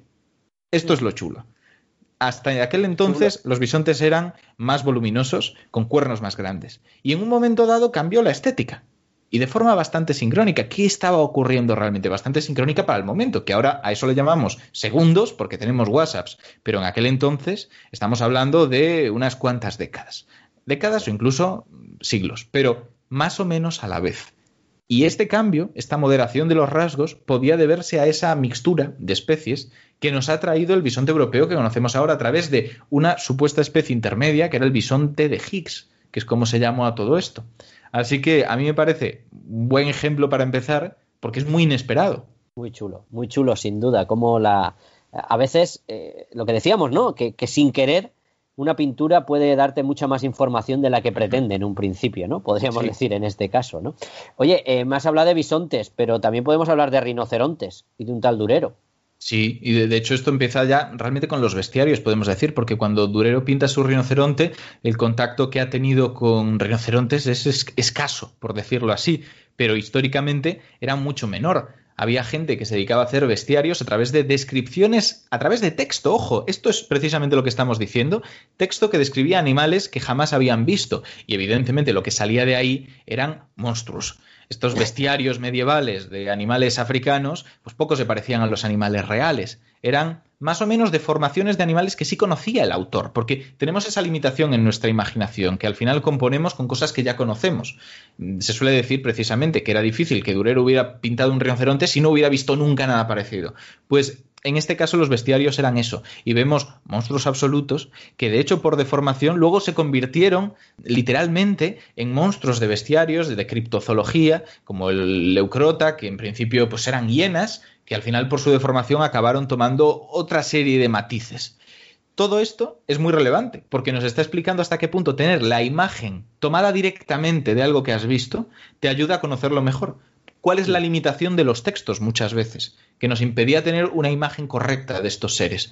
Pero sí que teníamos otros ejemplos un poquito más moderados, porque, como decimos, Durero pinta este rinoceronte, correctísimo, que no sé si queréis ampliar algo al respecto, y es una imagen bastante fidedigna, donde vemos características que no se estaban representando hasta entonces. Por ejemplo, eh, datos como el número de cuernos, que se solía pintar mal, o las placas que tenía en su piel, por decirlo de esta manera, zonas que estaban más anquilosadas, más liquenificadas, que son típicas de determinadas especies. Entonces, esto es bastante curioso.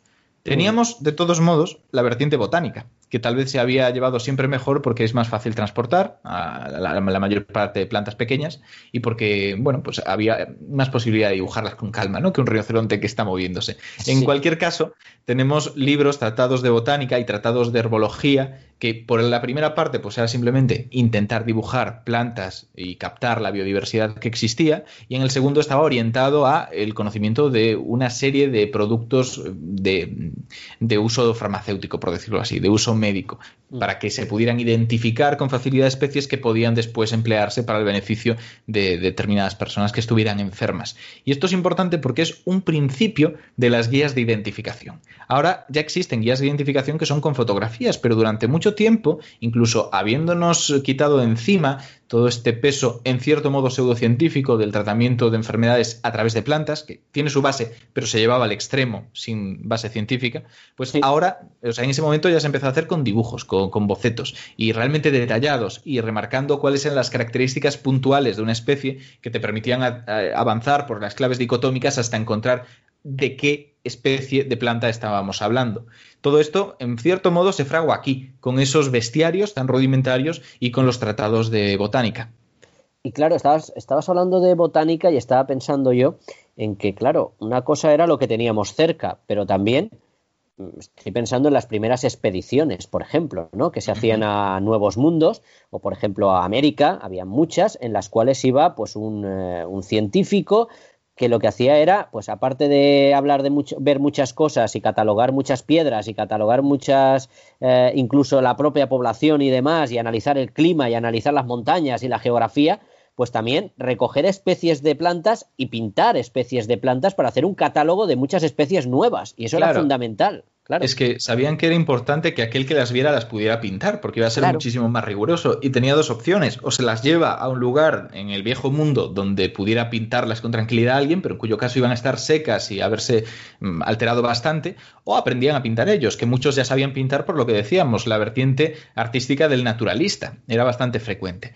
Y fíjate que yo, cuando decidimos que íbamos a hacer este artículo, o sea, este artículo, este programa, lo comenté en redes. Dije, oye, pasadme ejemplos de cosas que os gusten, cosas de este mundo mezcla entre arte y ciencia. Y me pasaron uno que yo no conocía, que es ejemplo de lo que has dicho, que es eh, los, eh, los, dibujos de Celestino Mutis, que son precisamente de botánica, de una expedición al Nuevo Mundo. Entonces son tal cual lo que dices y recomiendo que se busquen porque son muy bonitos. De hecho, eh, y doy paso a Javi, muchas veces es curioso, Ignacio, ya no solo el valor que tienen para catalogar, sino la belleza propia que tiene el dibujo claro, de hecho ahora, en cuanto acabe Javi, retomaré eso porque es interesante. Vale, Ignacio Javi. Yo solamente una puntualización que creo que es una historia muy bonita de la que estáis contando de las expediciones al Nuevo Mundo eh, y las expediciones en general a, nivel planetario, es la, historia de lo que llamaban los apóstoles o los discípulos de Linneo, ¿vale? Que no sé si, si, lo recordáis, pero son 17, 17 discípulos del, del gran naturalista que él enviaba a expediciones a lo largo y ancho del mundo con la obligación de que a la vuelta le trajeran los especímenes que, recolectaran y también los dibujos de todo lo que vieran. ¿eh? Y, bueno, normalmente eran expediciones muy, muy peligrosas y la verdad es que volvieron muy pocos de los que envió. Pero vamos, que era, en todas aquellas expediciones siempre, no, no es que hubiera un científico, había muchos, habían médicos, habían botánicos, habían eh, naturalistas, había mucha gente que estaba encargada de explorar, de dibujar y de recolectar eh, todas esas especies que para ellos eran absolutamente desconocidas. Oye, Darwin mismo, Darwin, ¿qué hacía Darwin en aquel barco? No iba de paseo, aparte de darle conversación al capitán Fitzroy, que le venía muy bien y de pacho ya nos hubiera gustado estar, ¿verdad, Dani? Ahí en esas conversaciones entre ellos dos, porque era mucha filosofía la que había ahí atrás, pero Darwin iba a recolectar especies nuevas, a catalogar, geografía, todo un poco, pero iban a eso. En esos barcos había una figura que se encargaba de ello, ¿eh, Dani? Sí, sí, sí, así fue. Ojalá hubiéramos tenido ahí una webcam o algo para ver cómo lo hacían. Buah, menudas conversaciones tenían. Por cierto, Fitzroy fue el primer, el primer, eh, es muy curiosa la historia porque él nunca se enfrentaron bastante, aunque se respetaban totalmente, y Fitzroy fue el primer director del Instituto Meteorológico inglés, el primero, y el primero que escribió, y esto es una curiosidad, el primero que escribió una previsión meteorológica que se publicó en el Times. fue el capitán Fitzroy, el que fue, era el capitán del barco del Beagle con eh, Darwin. Javi, querías apuntar. aprovecho para, para, decirle a nuestros oyentes que vean la charla de Joaquín Sevilla sobre el capitán Fitzroy que dio hace unos cuantos años en Naucas y que es, como todo lo que hace Joaquín, es una maravilla. Y leerse el libro hacia los confines del mundo. Ahora Tiene muchos deberes. Tienen muchos, ahora, ¿eh? Ahora buscaré el, autor, pero hacia los confines del mundo creo que se llamará. Lo pues buscaré, no me da la pata. Si entre el libro y la charla les queda tiempo, hablando, como estábamos hablando, de la parte más artística de todo esto, yo recomiendo algo que posiblemente hayan visto en algún momento de su vida, algunos conocerán el nombre, pero muchos otros se sorprendan cuando al buscarlo digan, ah, vale, ¿qué era esto? Y son los dibujos de Ernst Haeckel, que son muy típicos, se ven mucho, y al final son formas de plasmar formas de vida, invertebrados sobre todo, de otro momento, o sea, otro momento histórico, y que merece mucho la pena verlo. Estamos hablando del siglo XIX y son arte, puro arte, y los vemos para en todos los sitios. Yo los he visto hasta como papel de regalo, porque tienen esa capacidad de poder hacer composiciones casi en teselado, que son muy atractivas. Ajá. Fantástico también. Eh, por cierto, por apuntar, Hacia los confines del mundo, el libro es de Harry Thompson. Es un libro que narra esa expedición en el Beagle y lo que pasó después, años después. Todos los amantes de la ciencia lo tienen que leer porque es un libro, además, verdaderamente fantástico en el que hay una, una parte científica bastante marcada sin ser la más protagonista del libro. En fin, eh, habías comentado también muy interesante esas. De eso, oye, no quiero dejar de comentar alguno también tremendamente importante como son eh, los dibujos de Leonardo da Vinci. Ya sé que no eres un admirador absoluto de Da Vinci, Ignacio, no sé, o esa idea como científico, o no, me equivoco. Eso no es exactamente así. Voy a, defenderme. Soy un admirador absoluto de Leonardo da Vinci como, es que creo que lo has añadido mientras estaba haciendo negaciones, pero bueno, voy a insistir, como ingeniero, como artista, no necesariamente como científico, porque hablamos de un momento donde ciencia y tecnología todavía se distinguían bastante bien, mucho mejor que ahora. Lo que ah. ocurre es que sí que como anatomista era un buen conocedor del cuerpo humano y buen dibujante, que era algo clave, tenía que ir de la mano en aquel entonces. No podía estar a la orden del día coger y diseccionar cadáveres, no estaba del todo bien visto, ni siquiera cuando se legalizó aquello se veía del todo bien, con lo que había que aprovechar. No se podían tomar fotos, ¿qué hacías? Dibujabas, dibujabas para enseñar a todos aquellos que en algún momento, ya fuera a través de la cirugía o de la ciencia forense, tuvieran que aproximarse a un cuerpo humano y cortarlo. Y Da Vinci hizo dibujos maravillosos de esto. Un estudio anatómico que estaba tal vez más orientado al propio arte, a poder después hacer pinturas realistas conociendo que había bajo la piel, pero que además tenía la otra vertiente, la de saber cómo eran los órganos, las estructuras, el aparato circulatorio. Todo esto sentó, no, no digo que fuera el primero en sentarlas, pero sentó una serie de bases que contribuyeron a formar toda esta disciplina de la anatomía más artística y que seguiría desarrollándose. Y tenemos ejemplos como de Vesalio, precisamente con sistemas circulatorio, con otra serie de estructuras que representó maravillosamente y que han pasado a la historia no solo en la ciencia, sino en un tipo de arte. Y esto también es maravilloso. Pero esto no ha acabado. Posiblemente sea una de las disciplinas donde más vigente siga, porque cuando nosotros hablamos de guías de identificación, para lo que estábamos diciendo antes, ya sea de botánica o de zoología, sigue ahora tiene mucha más relevancia una fotografía o incluso un vídeo algo que sea absolutamente real. Pero cuando hablamos de anatomía, una fotografía ya es un nivel bastante elevado de forma de aprenderla, porque son complejas, porque los colores son muy parecidos entre todos los músculos y estructuras, porque hay brillos y cosas producidas por la humedad de los tejidos que con la fotografía se vuelven algo confusas, más incluso que en la propia realidad. Para todo esto sigue haciendo falta el dibujo sigue haciendo falta, ah, tal vez por realidad aumentada y, tema de dibujo 3D, pero sobre todo el dibujo. Y hay atlas como el Sodota, como el Nether, que siguen usándose a día de hoy con, total frecuencia en las universidades, de, en las facultades de medicina. Y son dibujos, puramente dibujos, que lo que intentan es plasmar la realidad lo mejor posible, pero para que aquellos que se están iniciando en la anatomía sean capaces de distinguir las estructuras, dándoles distintos tonos, distintos sombreados, y esto es absolutamente clave. Entonces estamos viendo cómo no es algo histórico, sino que es algo que a día de hoy se mantiene. Como vemos, a pesar de la evolución de la técnica, sigue siendo una herramienta eh, totalmente útil el dibujo en muchos, muchos aspectos. Hablabas de Da Vinci mm, y evidentemente sus dibujos, claro, es que dibujaba fantásticamente bien, eh, que vamos a decir de Leonardo da Vinci como pintor, ¿no? Pero mm, no solo pintaba, como dices, el cuerpo humano, sino también fue uno de los primeros pintores de la naturaleza, tal cual, ¿no? O sea, el fijarse en fenómenos naturales como eran los remolinos de agua y yo esas imágenes, esos dibujos de dibujar un remolino de agua, que mira que es difícil, ¿vale? Quien es como yo pintando, vamos, pintar un remolino ya es impensable, pero esa, esa observación de la naturaleza como el vuelo de los pájaros o como el captar un, un pájaro en vuelo y plasmarlo en un dibujo o un remolino, algo en movimiento y plasmarlo en un dibujo, nos muestra también un paso más allá, ¿no? El, eh, la genialidad que tenía para dibujar, pero la importancia que él le daba a poder plasmar en el dibujo algo para poderlo estudiar. Creo que se unen las dos cosas. Creo que es importante. ¿Vale? Pero bueno, ya hablamos de sobra de Leonardo da Vinci en otro capítulo que tenemos, así que lo recomendamos y vaya por delante, que era una broma, Ignacio. Sé que admiras a Leonardo da Vinci. Eh, hay una, un libro que siempre aparece mm, destacado cuando se habla de ilustraciones y es el Micrografía de Hook porque se, mm, primero por la calidad de los dibujos y luego porque es uno de los primeros en los cuales se ve claramente que el dibujo está a la misma altura o por encima del texto. O sea, que no sirve solamente esos dibujos para complementar lo que aparece en el texto, sino que además podríamos decir que el texto complementa el dibujo. No sé si me explico bien. Ignacio, ¿es así? ¿Cómo no va a estar al mismo nivel? Si realmente estamos hablando de cosas que se escapan al ojo, que son muy difíciles de definir y con un gran nivel de detalle. Si alguna vez hemos visto una imagen al microscopio electrónico de algún organismo diminuto, minúsculo, sabremos que es bastante extraño, bastante alienígena.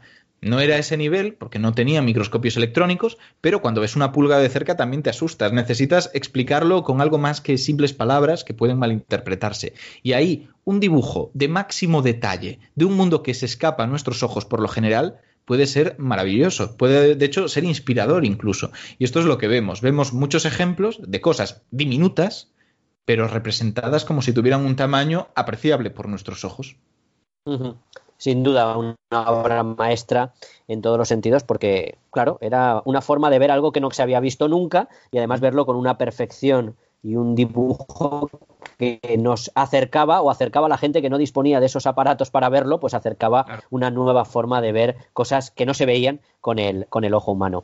Eh, Javi, has comentado algo, ya ha salido, evidentemente, Cajal, tiene que salir en los programas de ciencia, evidentemente, y Javi ha dicho que siempre que venga no valará a Cajal como sea, y yo pues le dejaré porque Cajal tiene que estar ahí. Pero mm, creo que hayas comentado algo, pero queríamos un poco, ya que estamos hablando de ilustraciones, mm, comentar las ilustraciones de Cajal son fundamentales en su obra. Hombre, yo creo que es una de las, eh, aparte de la observación precisa y las, conclusiones a las que llegó Cajal, una cosa que lo diferencia claramente es su capacidad de pintarlas. y hay descripciones pues eh, tremendamente puntillosas sobre las estructuras de diferentes eh, animales. ¿eh?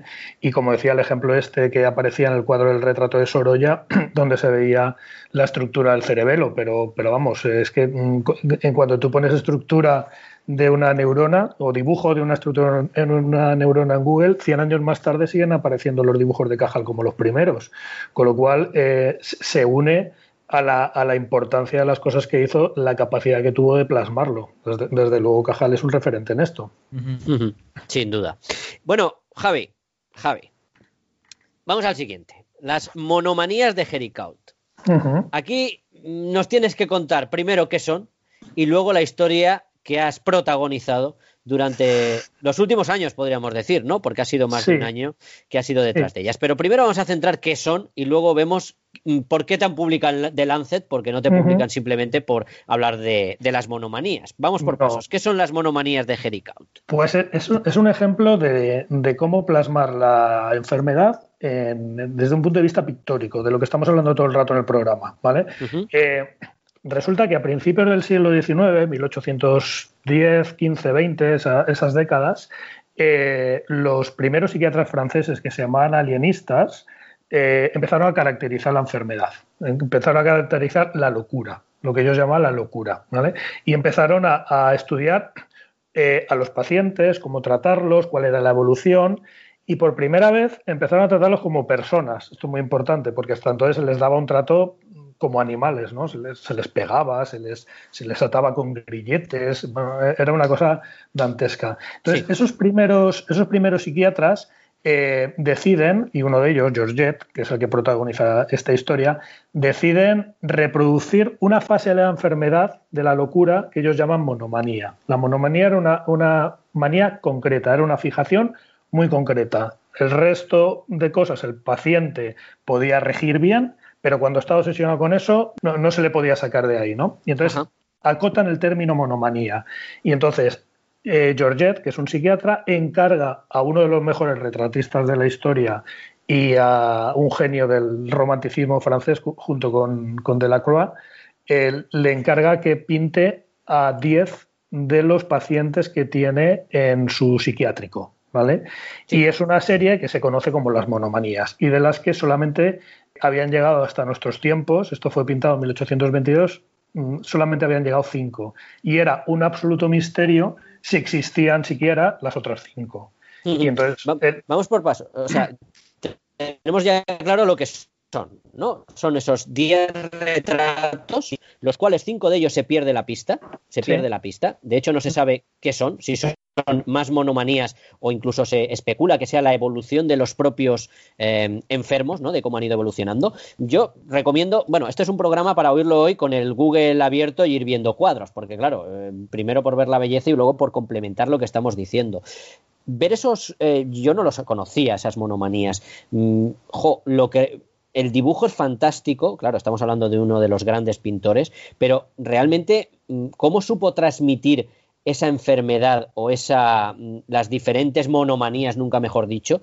son brutales. Es que lo ves en el rostro, lo ves, ninguno mira a cámara, por así decirlo, ¿no? Miran de lado, no se ven las manos, se ve la cara, todo está oscuro detrás, pero es la forma, luego lees realmente, pues aquí simboliza eh, la pederastia, aquí simboliza tal, lees todas y realmente te lo está dibujando de una forma brutal, Javi. Mm.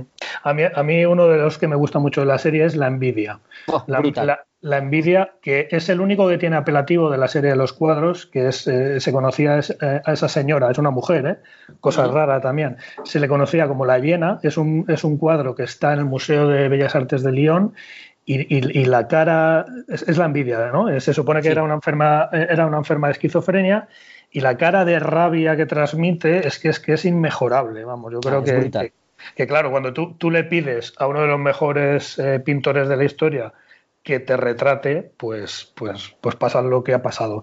Y lo más curioso de esta serie es que parece ser que estaba pensada para enseñar lo que era una monomanía a los, a los estudiantes de la Facultad de Medicina de París. que sí que tenía un objetivo docente y científico.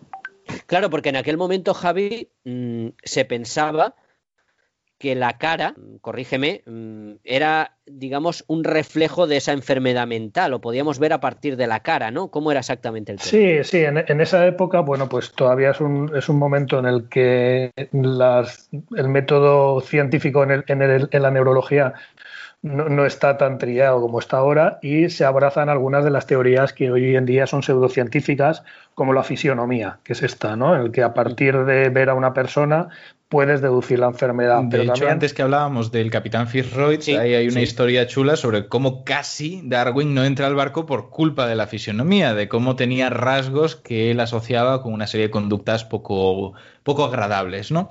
O sea, está presente, es algo real. Sí, sí, sí. o la, o la, nariz. O la frenología, ¿no, Ignacio? Claro. Claro, la frenología que ya no era tanto por los rasgos faciales, sino por las sobreelevaciones que podía haber en el cráneo y que por lo tanto podías palpar. Claro, esto, esto Javi, bueno, todos, ¿no? Pero Javi, esto le da una nueva dimensión a lo que estamos hablando. Esos cuadros extraordinariamente pintados no se hacen simplemente como muestras de arte preciosas o fantásticas que pueden pasar a la historia. Eh, más allá de la calidad artística evidente que tienen, tenían un objetivo científico. Sí, y, aparte, eh, os hago también una reflexión sobre el protagonismo del paciente como persona, ¿vale? Porque e, era habitual que los, que los eh, psiquiatras pidieran a pintores que les pintaran a los, a los pacientes. Pero esta serie concretamente es muy curiosa porque los pacientes eh, están retratados como los retratos honoríficos de la época. Y, se le hacía retratos honoríficos a la gente importante. Y esto eran personas anónimas, pero es que además tienen ropas de calle, es decir, no, no están con ropas em, típicas de psiquiátrico que, que, refuercen que son enfermos, sino que se les pinta como si fueran personas. Y hay un cambio mm, cultural importante eh, en lo que es la medicina. O sea que vemos mucha trascendencia. Claro, ya has dicho que eh, es el primer momento, o en ese momento se empieza a tratar a los enfermos como personas. Ojo, la barbaridad que estamos diciendo. Creo que he leído en tu libro que incluso en Londres, creo que era en Londres, se pagaba un penique por entrar a insultarles a una, a una prisión o a bofetearles o a tal. O sea, para que veáis en qué punto estábamos en aquel momento, ¿no? Dramático y absoluto. Y aquí los dibujos crean ese respeto, porque hay un respeto en los dibujos. Creo que es, respeto la palabra, ¿no? La historia de la locura es muy terrible. Ahí vamos a estar. Es, es, de las pocas cosas en las que vamos a estar totalmente de acuerdo con lo que pudo escribir Foucault sobre sus mecanismos de poder y cómo se utilizaba de forma política en muchos casos todo esto de, de las enfermedades psiquiátricas. Pero eso no quiere decir que, como muchos sostienen, tuviera que llegar Freud para empezar a humanizar al paciente. Es algo que ocurrió antes, que estamos viendo con este ejemplo que es previo a ese 1890 en el que empieza ya a tomar cuerpo el psicoanálisis y que, por lo tanto, no, no, se debe precisamente a la labor de Sigmund. Es algo previo, es algo que existe porque los que practicaban este tipo de, disciplinas eran seres humanos también, tenían empatía y no todos estaban de acuerdo con lo que se hacía en los psiquiátricos. Teníamos, como decíamos, 10. 10 que sabemos que se pintaron en aquel momento, pero la historia hace que cinco de ellos, porque creo que se reparten, ¿no? Cinco para, para un... Cuéntanoslo tú, Javi. Creo que son cinco... Sí, para... sí cuéntanoslo tú. Se, pintan diez eh, y se encuentran cinco de ellos en un ático en Baden-Baden en 1863. Lo encuentra un marchante de arte eh, porque lo llama uno de los discípulos de Georgette porque los quiere vender. Y ahí le cuenta que existían otros cinco. Y le cuenta que esos otros cinco los tiene otro discípulo que se llama Marechal y que, y que textualmente dice, y se, se, los llevó a su pueblo, ¿vale? Vaya. Y, y, no se sabe nada más. Se sabe que habían cinco más, los, eh, el biógrafo de, de Jericho lo, lo, dice en su libro, a partir de ahí se arrastra todos los catálogos, pero nadie sabe si existen, si eran los mismos pacientes, si fue un error del marchante de arte. Hasta hace una semana no se sabía. Y al encontrar uno, pues ya pues supones que, que hay otros cuatro. Claro, porque tú, Javi, esta historia te llega hace unos años, o ya la conocerías, no lo sé, ¿no? Porque Jericolt es uno de los grandes, eh, eh, tiene un, cuadro espectacular y bueno, no sé cómo llamarle, qué adjetivos ponerle al de la medusa, ¿no? No sé cómo, la balsa de la medusa se llama exactamente, es la balsa de la medusa, está en el Louvre y que lo busquen también los oyentes porque es brutal y estar delante de él es verdaderamente brutal ese, ese cuadro. Pero tú te empiezas a, interesar por estas monomanías y claro, como eres científico dices, pues voy a investigar. No somos detectives, pero el científico y el detective algo tienen en común. Y tú no te puedes quedar tranquilo. Y dices, ¿dónde están esos cinco cuadros que faltan? Es como cuando te faltan unos cromos de la colección cuando eres pequeño y dices, voy a empezar a buscar. Y te pones a buscar, no sé si como hobby o como acaba siendo una obsesión, entiéndeme la palabra, no en plan negativo lo digo, pero te pones a buscar con el ordenador y ¿qué ha pasado? Cuéntanos. ¿Qué pasa a partir de pues, ese momento? Pues, que lo primero que me pregunto es, eh, ¿existen o no existen esos cinco? Eh, y, lanzo una hipótesis. Sí que existen. En base a una serie de cosas que leo, supongo que sí que existen, ¿vale?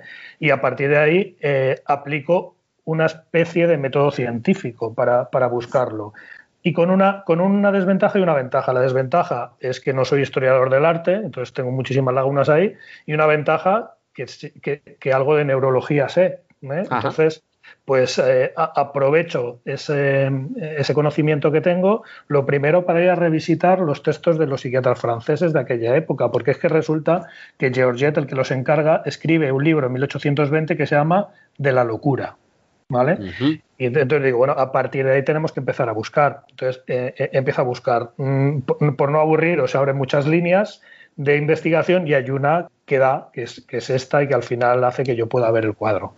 Porque, curiosamente, eh, aparte de muchas líneas que abres, ¿no? Incluso suposiciones, incluso creo que intentas con inteligencia artificial mm, ver la evolución que han podido tener los propios enfermos del cuadro si, si realmente los otros dibujos representan el antes o el después. Y Javi, una noche de casualidad ves un vídeo de una exposición de arte en Italia y algo por dentro te dice, chas, aquí hay algo. Sí, eh, veo, veo un vídeo promocional de, de, una exposición que hubo en Ravenna en el año 2013 y, en ese vídeo, durante unos segundos, aparecen unos fotogramas en los que hay un cuadro que yo ya conozco de Jericho, que es el, médico jefe del asilo Buffon, que ahora sabemos que es Pinel, uno de los psiquiatras y maestro de Georgette, y al lado un cuadro que me hace saltar a mí las, las alarmas, ¿vale? Y en ese, ese, cuadro tiene, la, tiene las características que tiene que tener, ¿vale? Eh, es decir, eh, yo paro en la imagen, hago los cálculos porque conozco el tamaño del otro y veo que cuadra con la serie de las monomanías en tamaño, pero también en composición, en pintura, etcétera. y a partir de aquí intento obtener toda la información posible de ese cuadro. A lo largo de los siguientes meses consigo saber que es de Jericho también eh, y mm, conozco el título, que se llama Retrato del hombre, el hombre melancólico. Y claro, me hace de nuevo bucear en los tratados de Georgette, el Tratado de la Locura que escribió en 1820. Y ahí veo que la melancolía es una de las monomanías características. ¿vale? El, el, psiquiatra dice que hay dos tipos de monomanías, unas con excitación, que son las que conocíamos, y otras con abatimiento o tristeza, y él mismo dice como la melancolía ¿vale? Que nosotros llamamos lipemanía, pero que los antiguos le llamaban melancolía. Entonces, ahí ya me empieza a casar todo y doy una serie de pasos para poder conseguir más información del cuadro, de tal forma que gracias a la generosidad de los dueños, de repente, en enero de 2020, estoy en algún sitio de Italia con el cuadro delante y con los propietarios al lado. O sea, esto es una pasada. No, no, es, es, alucinante la historia que nos estás contando, investigación detectivesca y ojo, me encanta cuando no dices dónde ni quiénes son, pero me ha hecho gracia en un lugar de Italia, a que era claro. Pero claro, te habrán dicho, usted no diga que el cuadro es mío, que lo tengo yo, pero aquí está el cuadro. Vamos, tú has estado delante del cuadro. Sí, sí, sí, yo he estado delante del cuadro y de muchos otros cuadros, evidentemente, como te imaginarás, porque uno no, guarda un Jericho y nada más. Exacto. Cosas en su casa, ¿no? Has estado delante del cuadro y comprobaste o vistes que se correspondía exactamente a un Jericho, y a una de las monomanías, no un Jericho porque se sabía que era un Jericho, ¿no? Correcto, eso es. Y le, eh, a los dueños les expliqué mis sospechas. Y ellos también me dijeron que ellos también tenían la sospecha de que era una monomanía. ¿vale? Y bueno, pues estuvimos revisando las características del cuadro, viendo libros, viendo un poco, llegamos a la conclusión. ¿eh? Vale. Me parece fascinante la historia y tengo dos preguntas, y vamos a otra cosa, pero dos preguntas. Eres investigador, has investigado. Mm, ¿Crees que lo que notaste en ese momento es algo parecido a lo que se puede sentir cuando un investigador descubre algo importante a nivel científico, un eureka? ¿Has tenido tu momento eureka de, de esa forma?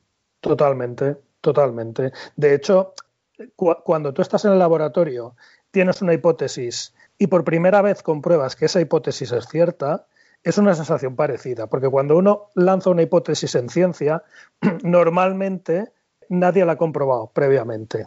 ¿Vale? Es una cosa nueva. Y entonces estás viendo, luego el descubrimiento es más o menos importante. Normalmente no es muy importante, es decir, no hay grandes cambios. La ciencia ya no se hace así, se hace con pequeños avances, ¿no? Pero estar viendo algo que nadie ha visto es estar en la frontera del conocimiento. Mm. Sea más o menos importante, insisto. Entonces, estar delante de un cuadro que ha estado 200 años desaparecido y que han visto un grupito de personas, ¿eh? pues es una sensación muy parecida, ¿no? De decir, ostras, estoy viendo algo que casi nadie ha visto y eso es una sensación magnífica. No sé si mejor o peor, eh, es un poco subjetivo, ¿no? Que, te publiquen en Lancet. A lo mejor eh, el placer casi es el, primero mayor que el segundo, pero bueno, se juntan las dos cosas. Pues no sé qué decirte, la verdad que fue un alegrón tremendo, porque Lancet, es para los científicos es un referente. Lancet, que digo, la, cuento la curiosidad, que el primer número fue en 1823, el mismo año probablemente que Jericho estaba pintando al hombre melancólico. Es que además las casualidades del mundo, ¿sabes? Casualidades. Oye, Javi, eh, y por terminar, quedan cuatro. Mm, no desvelamos nada, pero ¿sigues investigando? Bueno, eh, ahora mismo que pase todo esto. Vale. decir, yo, yo, vamos, esto lo he hecho a cuentagotas. De hecho, entre que, lo, entre que veo el cuadro y escribo el artículo pasan ocho meses. Y el artículo tiene 500 palabras. Tampoco te creas tú que me he matado a escribir. ¿eh? Pero en ese impasse no pasa nada. Simplemente estoy, estoy intentando ver qué hago con esa información que tengo. ¿Sabes? ¿Qué hago con esto? ¿Cómo, ¿Cómo, lo cuento? ¿no? Y, y de todas formas, independientemente de eso, el cuadro es fantástico y qué bien reflejada está la melancolía en ese rostro. Es brutal otra vez. Es, tremendo. Sí, sí, sí, o sea, define melancolía, ves esa imagen y eso es melancolía. ¿No? Sí, sí. Y es melancolía religiosa, además, que es una de las causas de la melancolía que cuenta Georgette en su libro. La teomanía o el lado contrario que es la demonomanía, que es lo mismo pero desde el otro punto de vista. Por eso la vestimenta, claro, supongo. Claro, claro. Y aquí vemos un ejemplo que no hemos tocado hasta ahora sobre por qué es tan importante a veces representar estas realidades a través de la imagen. Y es que el texto en ciencia implica conceptos muy estrictos, ¿no? Palabras que tenemos tecnicismos nosotros que son están muy restringidos a lo que deben significar, pero no siempre han significado lo mismo. Cuando echamos la vista atrás en la historia de la medicina y en especial en la historia de las enfermedades mentales, vemos que muchas definiciones han ido cambiando y que escuchar melancolía ahora y escuchar melancolía hace 50 años no era lo mismo, para cuanto menos hace 100. Así que una de las maneras de poder entender de forma más objetiva qué significaba eso, cuando no tenemos el contexto, cuando nos perdemos los matices en los cuales se solía utilizar esa palabra, es precisamente a través del arte, que parece más subjetiva, pero que te va a plasmar cómo era el aspecto de esa persona. Entonces, acaba siendo interesante por estos motivos también, porque al final melancolía pues, tiene unas connotaciones que van cambiando y que en cuanto al aspecto, a ese estado cabizbajo y tal, pues podemos verlo no solo con textos, sino de formas más claras, más, más ilustrativas. Sin duda. Mm, Ignacio, para terminar este bloque, mm, querías comentar algo más de la actualidad, ¿no? Algo más de paleoilustradores, me habías dicho. Sí, quería poner un ejemplo, porque estamos hablando, haciendo un recorrido histórico, y tenemos que decir que no solamente estaban los bestiarios aquellos olvidados de la Edad Media, sino que se seguían intentando representar seres vivos que no se habían visto o no se habían visto de forma directa. Lo que ocurre es que en, en este caso la limitación no era geográfica, sino temporal. Hablamos de especies extintas. Y un ejemplo que se ha vuelto paradigmático es el, que ocurrió en 1854, 1853 en, en, Gran Bretaña. Lo que ocurrió allí fue que eh, en el taller de Benjamin Waterhouse Hawking em, estaban haciendo reconstrucciones para el Crystal Palace Park de determinados eh, seres vivos ya extintos, iguanodones entre ellos. Había de todo, había reptiles eh, marinos, había dinosaurios, había un megalosaurio. Lo que ocurre es que cuando los vemos nos sorprenden. Siguen todavía allí y de hecho hay dibujos, no solamente esculturas, y por eso lo tratamos aquí, que intentaban representarlos. Y vemos que el iguanodón, que normalmente lo asociamos suerte, a la película aquella Dinosaurios de Disney, ¿no? Posiblemente mm. la vez que más se ha popularizado un aspecto relativamente correcto de estos dinosaurios, que eran pues relativamente estilizados, que tenían una especie de púa en las manos, supuestamente defensiva, no se parecen en nada a lo que había por aquel entonces. Las representaciones que, que surgieron aquí eran como de iguanas desmesuradas, que ojo, esto es curioso, cuya púa de las manos se la habían colocado en la nariz como el cuerno de un rinoceronte. Así que poco se parecía. El megalosaurio era un cuadrúpedo por aquel entonces, cuando hablamos de uno de los terópodos más grandes que, que hemos conocido a lo largo de la historia de la paleontología.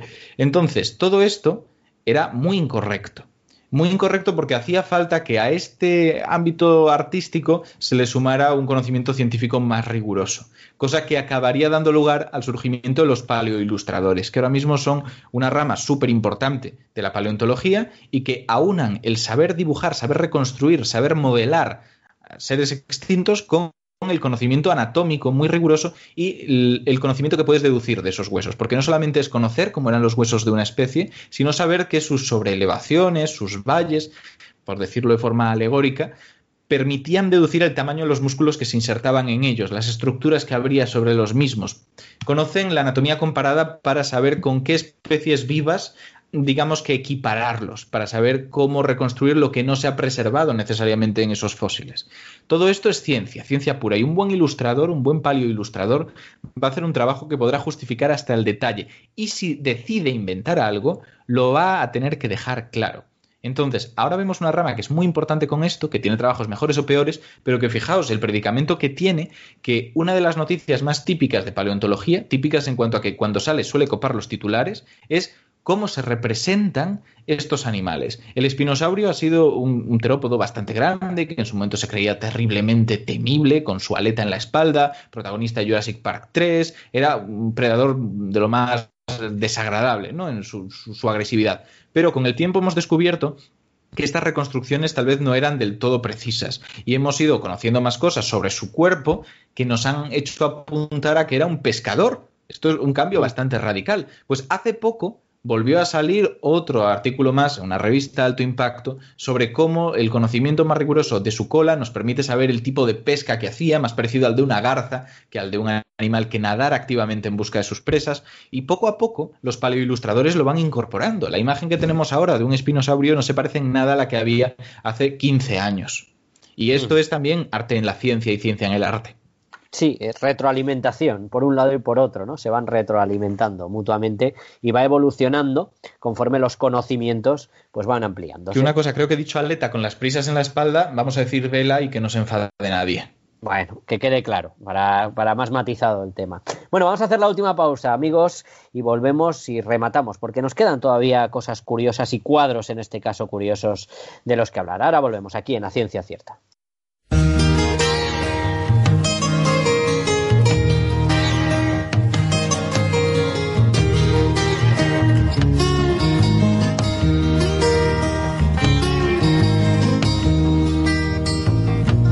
Quien viaja lomos de una yegua sombría. Por la ciudad camino, no preguntéis a dónde. Busco acaso un encuentro que me ilumine el día. Y no hallo más que puertas que niegan lo que esconden. Las chimeneas vierten su vómito de humo cielo cada vez más lejano y más alto. Por las paredes ocre se desparrama el zumo de una fruta de sangre crecida en el asfalto ya. El campo estará verde, debe ser primavera, cruza por mi mirada un el barrio donde habito no es ninguna pradera, desolado paisaje de antenas y de cables vivo en el número 7, calle Melancolía. Quiero mudarme hace años al barrio de la alegría pero siempre que lo intento ha salido ya el tranvía. En la escalera me siento a silbar mi melodía.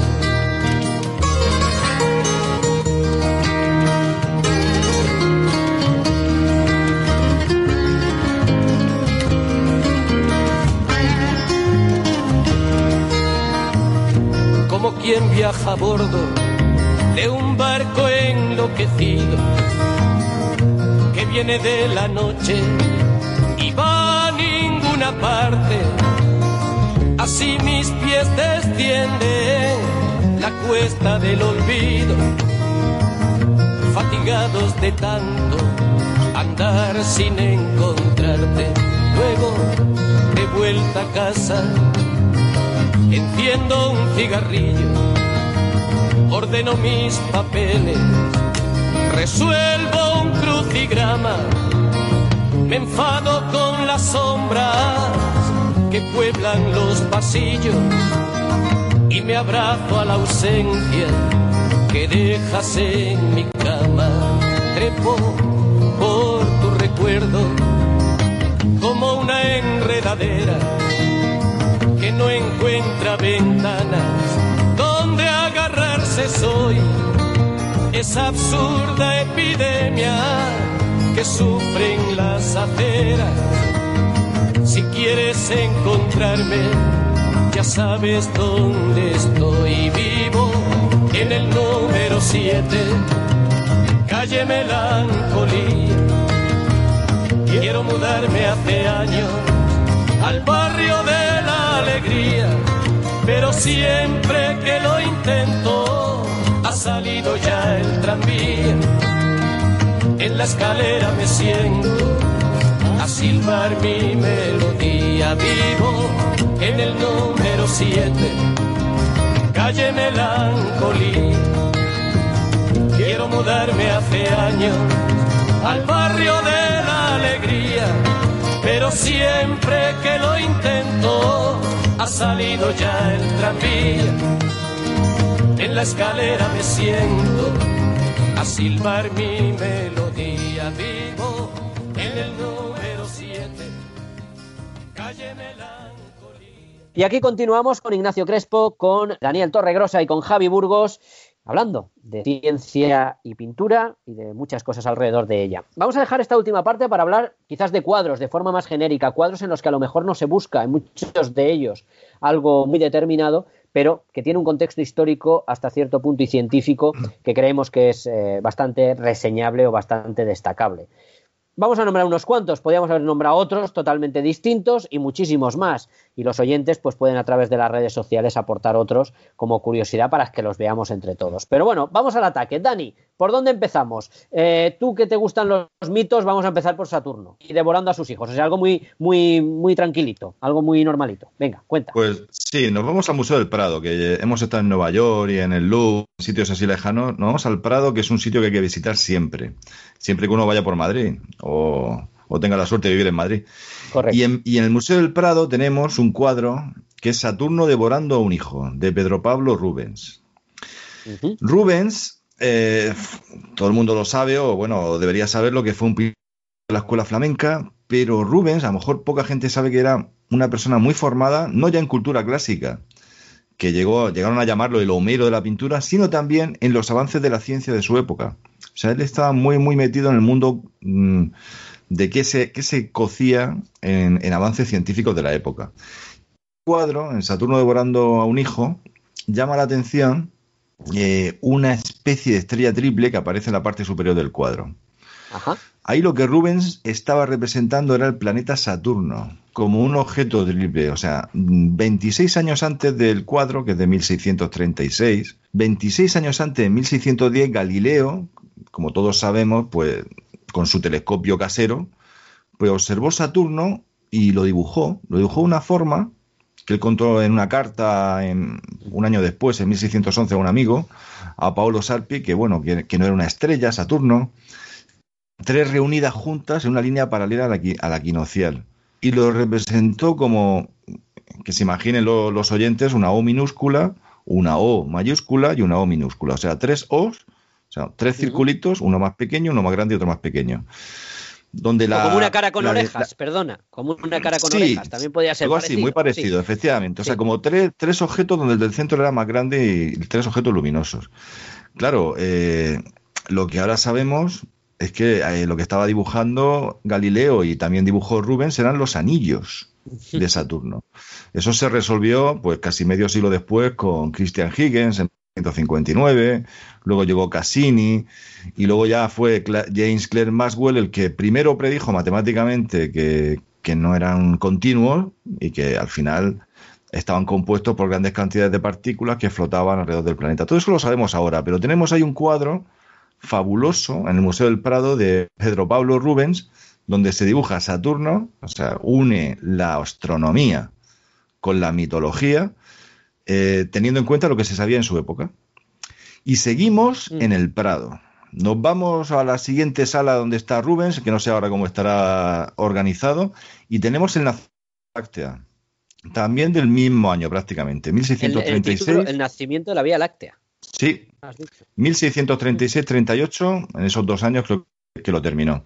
Y bueno, es otro, otra obra con, con inspiración mitológica, es el mito de la diosa Hera o Juno, amamantando a Heracles Hércules. Es la típica el mito de, que se separa y sale ahí la leche de Hera, que es la, la Vía Láctea. Pues bien, en este cuadro, Rubens mm, dibuja por primera vez la Vía Láctea como estrellas individuales. Hasta ese momento se representaba la Vía Láctea como una especie de banda difusa, porque se creía que era lo que era. Pero ya, claro, ya con, el, con, lo, que él sabía y había leído de Galileo, se sabía que eran estrellas individuales en esa banda. Y seguimos en el Prado Rubens a otro cuadro más. Un cuadro ya es anterior, que es la adoración de los Reyes Magos. Y ahí aparecen ya estrellas individuales y hay gente que las asocia con una constelación. O sea, si fue Capricornio, bueno, parece que ya también dibuja ese, ese cielo real en un cuadro un poco anterior. Curioso, ¿no? Porque a, fin de cuentas, lo que estabas comentando, está, él plasmaba en los cuadros el conocimiento que en aquel momento había de la realidad, aunque estaba equivocada era lo que se pensaba en aquel momento, ¿no? Sobre todo lo que has dicho de Saturno puede estar equivocado, pero lo de la Vía Láctea, pues vemos que no. Entonces, a mí me recordado mucho, fíjate, y es ir a otro tema, pero me ha recordado a Julio Verne, ¿no? Cuando escribía estaba totalmente informado de cuestiones científicas, como en este caso decías de Rubens, y escribía lo que en aquel momento se sabía sobre las cosas, que podían estar equivocadas o no, pero era lo que el conocimiento en aquel momento teníamos. Y aquí vemos como en cuadros que no buscan, ojo, no buscan en algunos de ellos nada de transmitir ese conocimiento científico, estamos en otro tipo de cuadros, aparece ese conocimiento científico que había impregnado en aquel momento, ¿no? Y es la curiosidad. Sí, y es una forma de, una forma muy bonita de aprender astronomía también, historia de la astronomía con la pintura. O sea, también estamos haciendo un cruce de caminos entre el arte y la, y la ciencia precioso, en mi opinión. Sí, sí, ya de hecho, mira, estabas hablando del Museo del Prado, recomiendo desde aquí también de hablando del Museo del Prado, recomiendo también aquí José Miguel Viñas, amigo nuestro que apareció en el programa, ha hecho algún eh, texto precioso y ha hablado mucho de los cuadros a través del Museo del Prado, de la meteorología en los cuadros de cómo se han plasmado esas tormentas, cómo se han plasmado esos colores del cielo, fenómenos atmosféricos diferentes que buscaban esos autores y los plasmaban en cuadros que hay un recorrido muy chulo en el Museo del Cuadro, del Prado, perdón, de meteorología y de esos cielos con José Miguel Viñas. Muy, muy curioso también. Ignacio, por ejemplo, mm, ahora que estás muy con la filosofía, y lo sé, eh, hay uno también de, de la Escuela de Atenas muy chulo que nos dice muchas cosas. Claro, porque esto era un momento en el cual la filosofía y la ciencia iban de la mano. Ya sabemos que hasta Newton incluso se llamaba filosofía natural a la ciencia. Pero, eh, y en, bueno, en este caso la palabra ciencia también tenía sus connotaciones muy distintas a las actuales. Pero en cualquier caso estudiaban lo que ahora mismo entendemos como biología y estudiaban lo que entendemos como física. Y dentro de las figuras más importantes en estos aspectos en aquel momento eran Platón y Aristóteles, que son los protagonistas precisamente de este cuadro de, de Rafael Sanzio. Entonces, ¿qué encontramos aquí? Encontramos a estas dos personas en el centro del cuadro, en, precisamente en la, en la academia, y lo que hacen es señalar uno al cielo, Platón, y Aristóteles al suelo. ¿Qué estamos viendo realmente? Estamos viendo una, un símbolo de lo más importante que había en la teoría del conocimiento de cada uno de los dos, en su forma en la cual justificaban cómo podíamos llegar a obtener conocimiento. Platón, siguiendo con... Vamos a decir una cosa que, igual habría que saber se enfrentaban a un problema bastante serio. Se enfrentaban al problema de que Parménides mucho tiempo antes había dado el movimiento como imposible, todo permanecía, y que Heráclito, aunque no exactamente así como se suele decir, había dicho que todo estaba en movimiento. Esto es una simplificación que muchos han encargado de criticar, pero para nuestro propósito es suficiente. ¿Cómo llegas a justificar que ambas cosas tienen su realidad, que hay cosas que permanecen y hay cosas que se mueven, porque es lo que nuestros eh, sentidos experimentan? Platón lo que hace es decir, existe una realidad que está más allá de nuestros sentidos, a la cual solo podemos acceder a través de eh, una serie de ciencias propedéuticas, de la razón y de la intuición, y que por lo tanto no podemos sentir directamente, y es ese mundo de las ideas. Y por eso señala hacia arriba, un poco simbolizando eso que está más allá de nuestros sentidos, y que ahí es donde está el verdadero conocimiento, las formas, las esencias. Por otro lado, tenemos a Aristóteles, que no le acaba de convencer esto, y que su forma de conciliar la visión de Parménides con la visión de Heráclito, y por lo tanto una de las mayores tensiones que existían en la filosofía eh, clásica, fue decir que la forma, esa esencia, que era la versión general de todas las cosas, el hombre que hay detrás de cada uno de nosotros tres, el mamífero que hay de cada uno, detrás de cada uno de nosotros tres, el triángulo de todos los triángulos, eso era algo que solo el intelecto sabía separar de los objetos, pero que estaba inmanente en los propios objetos, estaba en la realidad No había dos mundos, había uno solo. Y por eso señalaba hacia abajo. Era todo terreno, era todo físico. Y esto es importante. Esto es lo que simboliza y es posiblemente una de las mayores discusiones que había en la teoría del conocimiento de la época, que realmente es una forma de decir de las primeras discusiones que había en ciencia. Qué chulo, ¿eh? Que, ese simbolismo que hay en ese cuadro, con dos gestos, simbolizan dos formas de pensamiento totalmente distintas y enfrentadas. Qué forma tan sencilla de verlas, ¿eh? Así de sencillo. Y claro, junto con ellos hay simbolizado, bueno, representados muchísimas más personalidades de la época, entre ellos Hipatia, que yo de hecho hasta hace relativamente poco no sabía que estaba en ese cuadro. Pero podemos encontrar ahí, jugar al buscar a Wally y sorprendernos con toda la gente que hay representada. Pues mira, ya tienen faena también los, los oyentes y nosotros mismos. Yo y Patia no sabía que estaba en ese cuadro. Lo buscaremos, lo buscaremos. Ignacio, venga, cuéntame alguno más, chulo. Pues a ver, realmente estamos viendo, en este caso era muy simbólico, pero vemos otros casos que son tal vez más históricos, de representación de momentos clave, que además también tienen su simbolismo, pero muchísimo más eh, estricto, más literal como puede ser el caso de Galileo. Galileo en el juicio que, que, tuvo por decir lo que dijo, que la verdad es que no acabó del todo bien, eh, tenemos precisamente un cuadro que es, bueno, tenemos bastantes cuadros. Aquí pasa parecido a lo que ocurría en el caso de Arquímedes, que se ha tomado como motivo y se ha repetido bastante. Pero en concreto yo voy a recomendar que le echen un ojo a nuestros eh, oyentes al cuadro de Joseph Nicholas, que es bastante, bastante chulo y más que nada porque creo que representa de forma bastante dramática el momento, transmite muy bien lo que está ocurriendo, aunque por supuesto no sea absolutamente verídico todo lo que allí se vea, estamos hablando de una representación.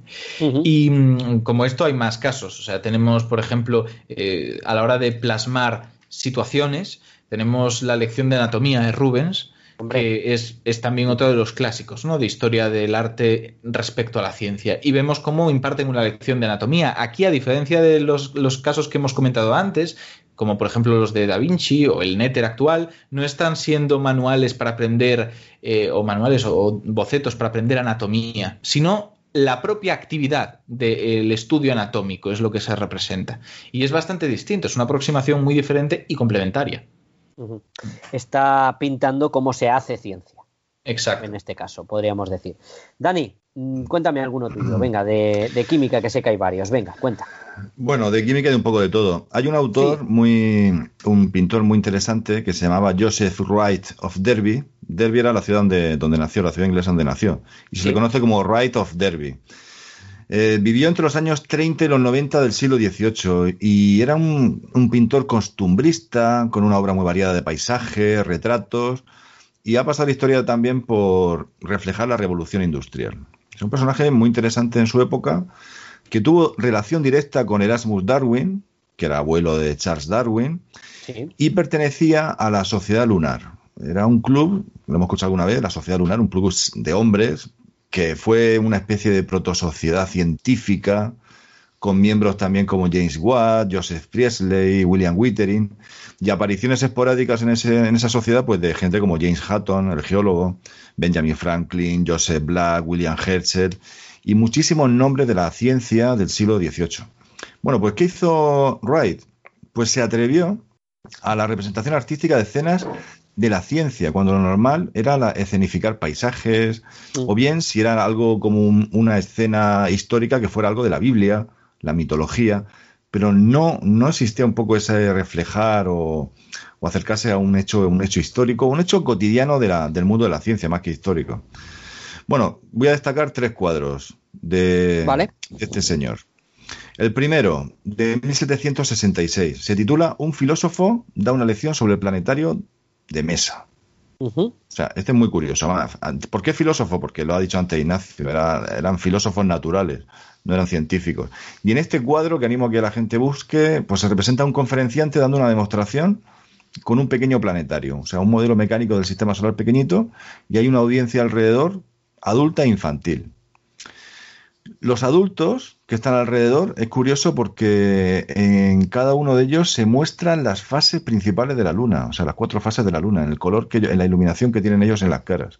Qué bueno. Y el, filósofo, por así decirlo, se ha especulado que el personaje principal del cuadro era Isaac Newton, por la apariencia, pero parece ser que, que más bien se inspiró en John Whitehurst, que era un relojero y geólogo y también miembro de la Sociedad Lunar, porque yo no me imagino a Newton en plan monitor infantil No, lo veo, no, tenía, no lo veo, no lo veo. No. Bueno, también tenemos otro cuadro que pintó dos años después, que es el experimento con un pájaro en una bomba de aire. Toma.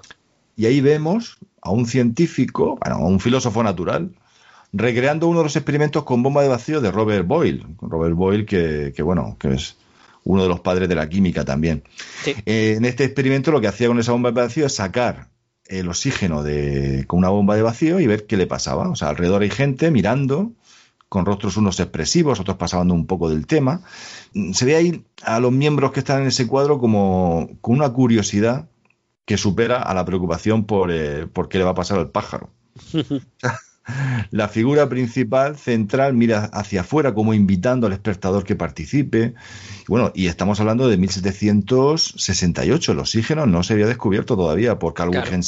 o por, o por Priestley después la UASI. Sabemos que, la historia del oxígeno empezó con, con Sile. Bueno, y el tercer cuadro, que es para mí el favorito, eh, es el título completo es El alquimista en busca de la piedra filosofal descubre el fósforo y ruega por el éxito y la conclusión de su obra, como era la costumbre de los antiguos astrólogos alquimistas. Se quedaban un poco largos los títulos. Sí, bueno, se quedó como el alquimista. Sí. Este es un cuadro de Ride of Derby de 1771. Y ahí aparece lo que es el descubrimiento del fósforo. Y esto lo, cuento rápidamente, la historia del descubrimiento del fósforo, porque es preciosa. O sea, Venga. Brand, Brand a quien Isaac Asimov llamaba el último alquimista, pues buscaba ese sueño de la alquimia, de la piedra filosofal, de transmutar los metales vulgares en, oro. Y se fijó en el agua, pero en concreto más que en el agua, en la orina, porque el color, por el color que tenía, pues amarillo y por la combinación que podía tener con otros materiales. ¿Qué hizo Brand? Recoger, esto es el hecho histórico, ¿eh? O sea, esto, Brand recogió, se habla de 500 cubos o 500, bueno, 50 cubos, perdón, me pasa un poco, pero creo que fueron más, de orina, los dejó reposar un par de semanas para después calentarla, evaporó el agua, dejó el residuo sólido seco, lo mezcló con, con arena, lo calentó en un horno, el típico atanor de los alquimistas, y recogió el vapor en un recipiente. Al enfriarse ese vapor, se encontró con un metal sólido de color blanco que ardía con una llama muy característica y brillaba en la oscuridad. Es, eso que descubrió y aisló Brand es lo que conocemos ahora como fósforo, porque además él le dio el nombre en latín de Phosphorus mirabilis, que es el portador de la luz, o sea, algo que, que se iluminaba. Y en el cuadro de Joseph Wright, eh, es un cuadro maravilloso que se ve ahí iluminado, un matraz ahí, como si eso, bueno, eso evidentemente eso no, no es así, o sea, eso es una, es una exageración. En todo caso, podría ser ahora fósforo blanco ardiendo. Pero lo que quería el autor era evocar, con esa iluminación que llenaba prácticamente la estancia, pues el triunfo de la ciencia empírica sobre el oscurantismo y la superstición. Pero otros autores no lo tienen tan claro. Fue mucho después de que se descubriera el fósforo. Y es un cuadro precioso, muy bonito. De nuevo, unida la ciencia y el arte, como hemos visto a lo largo de todo el programa, y en este caso con el descubrimiento del fósforo, ni más ni menos, ¿no? Mira que tenemos fósforo y se hizo a través de la orina, como nos está contando Dani, cuando se aisló por primera vez el fósforo y se empezaron a estudiar sus propiedades. Muy chulos. Dani, ¿alguno más al respecto? Bueno, ya hemos comentado los tres, ¿no? Creo que ya hemos dicho los tres cuadros que me querías decir al respecto. Fantástico. Pues bueno, vamos a ver alguno más. Ignacio, venga, remata con alguno. Pues yo voy a decir uno que también es un poco del contexto. Este caso es Las ciencias y las artes de Hieronymus Franken, que llama la atención por lo siguiente. No parece muy, no sé, muy diferente. Es simplemente gente en una sala viendo instrumentos científicos e instrumentos de arte. ¿Y por qué tiene relevancia esto? Porque lo que está representando es en realidad propaganda. Es, en cierto modo, un intento de llamar la atención a intelectuales de otros lugares y a gente de otras zonas de, Europa, porque esto se hace en, en Países Bajos, para decir, hey, aquí estamos apoyando ciencia y arte. Y esto tiene más trascendencia de lo que parece. No solamente decir vamos a apoyarlo, es vamos a dejaros hacer vuestra labor. Porque por aquel entonces hubo muchos intelectuales que se mudaron a Países Bajos para poder hablar con libertad, para poder investigar con libertad y para que no se les acusara de nada. Un ejemplo es René Descartes o Descartes o como queramos pronunciarlo, que al final en España somos también muy de nacionalizar. Pero ¿qué pasa? Que siendo el francés y nacionalizando ellos tanto como nacionalizan cualquier palabra, pues voy a decir Descartes. En el caso, Descartes porque se muda allí, porque dice, no quiero que me acusen de ningún tipo de herejía, sobre todo teniendo en cuenta que Descartes, pues creer en Dios creía, otra cosa es cómo, y se muda y allí hace su actividad y no fue el único. Junto con él muchos más decidieron hacer este viaje. Entonces, este cuadro nos habla de un momento histórico en el cual había represión, había una salida y había una emigración clara de cerebros a Países Bajos. Entonces, a mí me llama mucho la atención por eso, porque detrás de una imagen aparentemente anodina se encuentra una historia que es muy trascendental para la ciencia y para la filosofía. Muy curioso, hay muchas aristas, como decíamos, alrededor de cualquier cuadro y cualquier interpretación que puede tener y cualquier plasmación de la realidad, de la realidad de aquel momento, claro. Coméntame alguno más, Ignacio, para ir terminando. Venga, pues voy, yo tengo realmente tres más, así que no tengo Pues coméntalos, coméntalos. Tengo uno que es eh, el cirujano extrayendo una piedra de la locura, que también es recurrente, no es uno que encontremos de forma aislada, sino que tenemos pues el del Bosco, que es muy famoso, pero también el de Jan Sanders, y en ambos casos lo que vemos es lo mismo, un profesional de la medicina, en principio un profesional de la medicina, extrayendo una piedra o algo parecido, porque en uno de los casos es un lirio de agua, del cráneo de una persona viva. Se le abre en la frente y se extrae de allí. Todo esto viene del mito de la piedra de la locura, que era el origen de las enfermedades mentales para algunos, y que tampoco jugaba con demasiada, demasiado rigor en la época. Cuando se pintan estos cuadros ya había cierta sospecha y en cierto modo parecen ser satíricos. Entonces eso hay que tenerlo en cuenta. Una crítica a charlatanes que operaban cosas que no se podían operar. Conocemos, por ejemplo, la, la cirugía psíquica que tanto criticó Em, James Randi en su momento, y que no era más que trucos de manos por los cuales se simulaba una operación utilizando higadillos de pollo como si los extrajeran del cuerpo. En este caso es algo relativamente parecido, es extraer cosas del cráneo sin que realmente estuvieran ahí y justificar que la locura se iba a pasar con ello. Así que me parece también chulo porque no solamente es la práctica, sino la percepción que había de la práctica en el momento, por cómo, cómo representa los rostros de esta gente, cómo se ve en ellos que hay, pues eso, cierta sátira. Luego tenemos otro ejemplo que igual habría correspondido a los anteriores, pero tiene un carácter intermedio. Y es una representación de la realidad de forma que no se podía representar de otro modo para que llegara a nosotros, pero que no había sido hecha con esa intención. Por eso está aquí. Y es el caso de eh, Howard Russell con sus eclipses.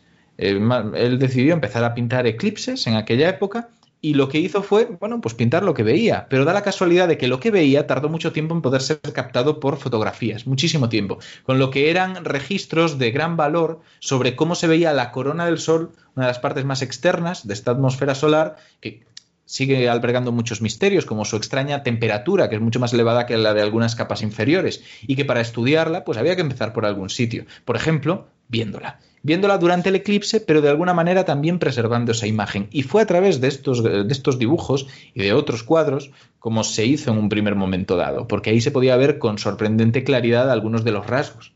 Y finalmente, ya para acabar, yéndonos casi, cada vez más a lo abstracto, voy a ir a un ejemplo que se desmarca mucho de todo lo que hemos visto, porque es de 1931 lo más reciente que hemos visto, creo yo, y que es de Dalí. Es la persistencia de la memoria. Y es este cuadro en el cual hay relojes fundiéndose. Ah, sí, hombre, claro. Claro.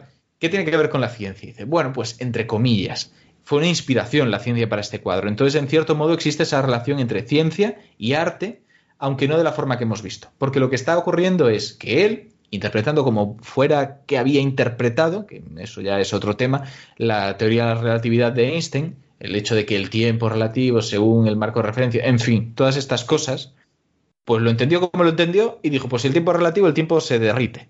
Ahora, y el tiempo, en cierto modo, esto sí es verdad, ha perdido el carácter absoluto que tenía hasta ahora. Y eso está bien representado, en cierto modo. Entonces, ahí vemos una inspiración científica en una obra de arte, que también es muy bonito de ver y además muy chulo. Creo que era, sí hemos tratado a lo largo del programa diferentes formas en las que el arte y la pintura en concreto ha ido de la mano de una forma y de otra con la ciencia, pues esa era otra de ellas en la cual los avances científicos que a fin de cuentas nos muestran un cambio filosófico y un cambio de pensamiento importante, pues han moldeado de una forma o de otra diferentes artes. Y ahí está el ejemplo. Pero hay muchos ejemplos a lo largo del siglo XX en otras artes, como por ejemplo todas las consecuencias filosóficas que tuvo la mecánica cuántica y Heisenberg y todo esto, ¿no? la incertidumbre y demás, pues también fue fuente de inspiración a muchas obras de mucho tipo. En fin, señores, yo creo que hemos dado un repaso, yo me lo he pasado fenomenal.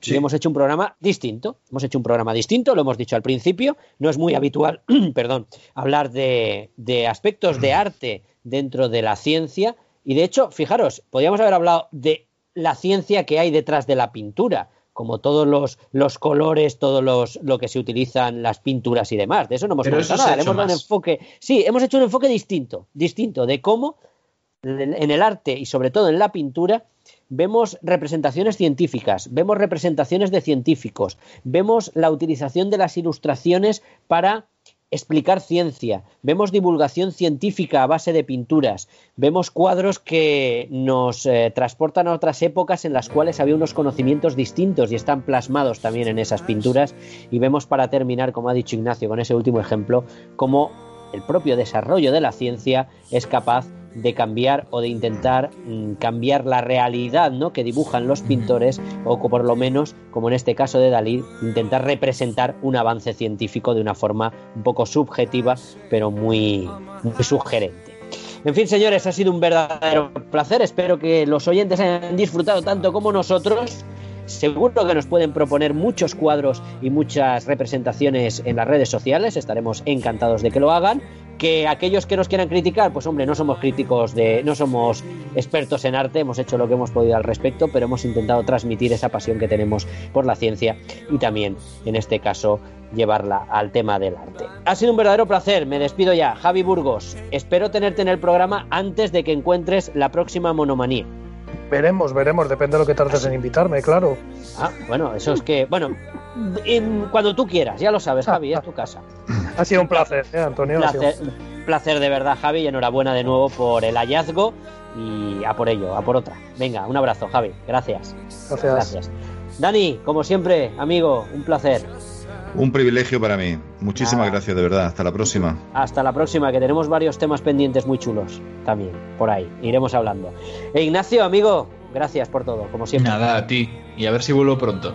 Eh, aquí ya sabes, yo dijiste que querías volver y llevas tres seguidos. Yo te abro las puertas. Es así de fácil. ya me echarás, ya me echarás. No, ya me dirás tú, déjame descansar una semana. Venga, un abrazo. Venga, hasta luego. Un abrazo fuerte, hasta luego. Adiós. Nos despedimos, como siempre, que podemos y nos acordamos con una cita, en este caso del gran grandísimo Leonardo da Vinci, que dijo una vez, el pintor tiene el universo en su mente y en sus manos.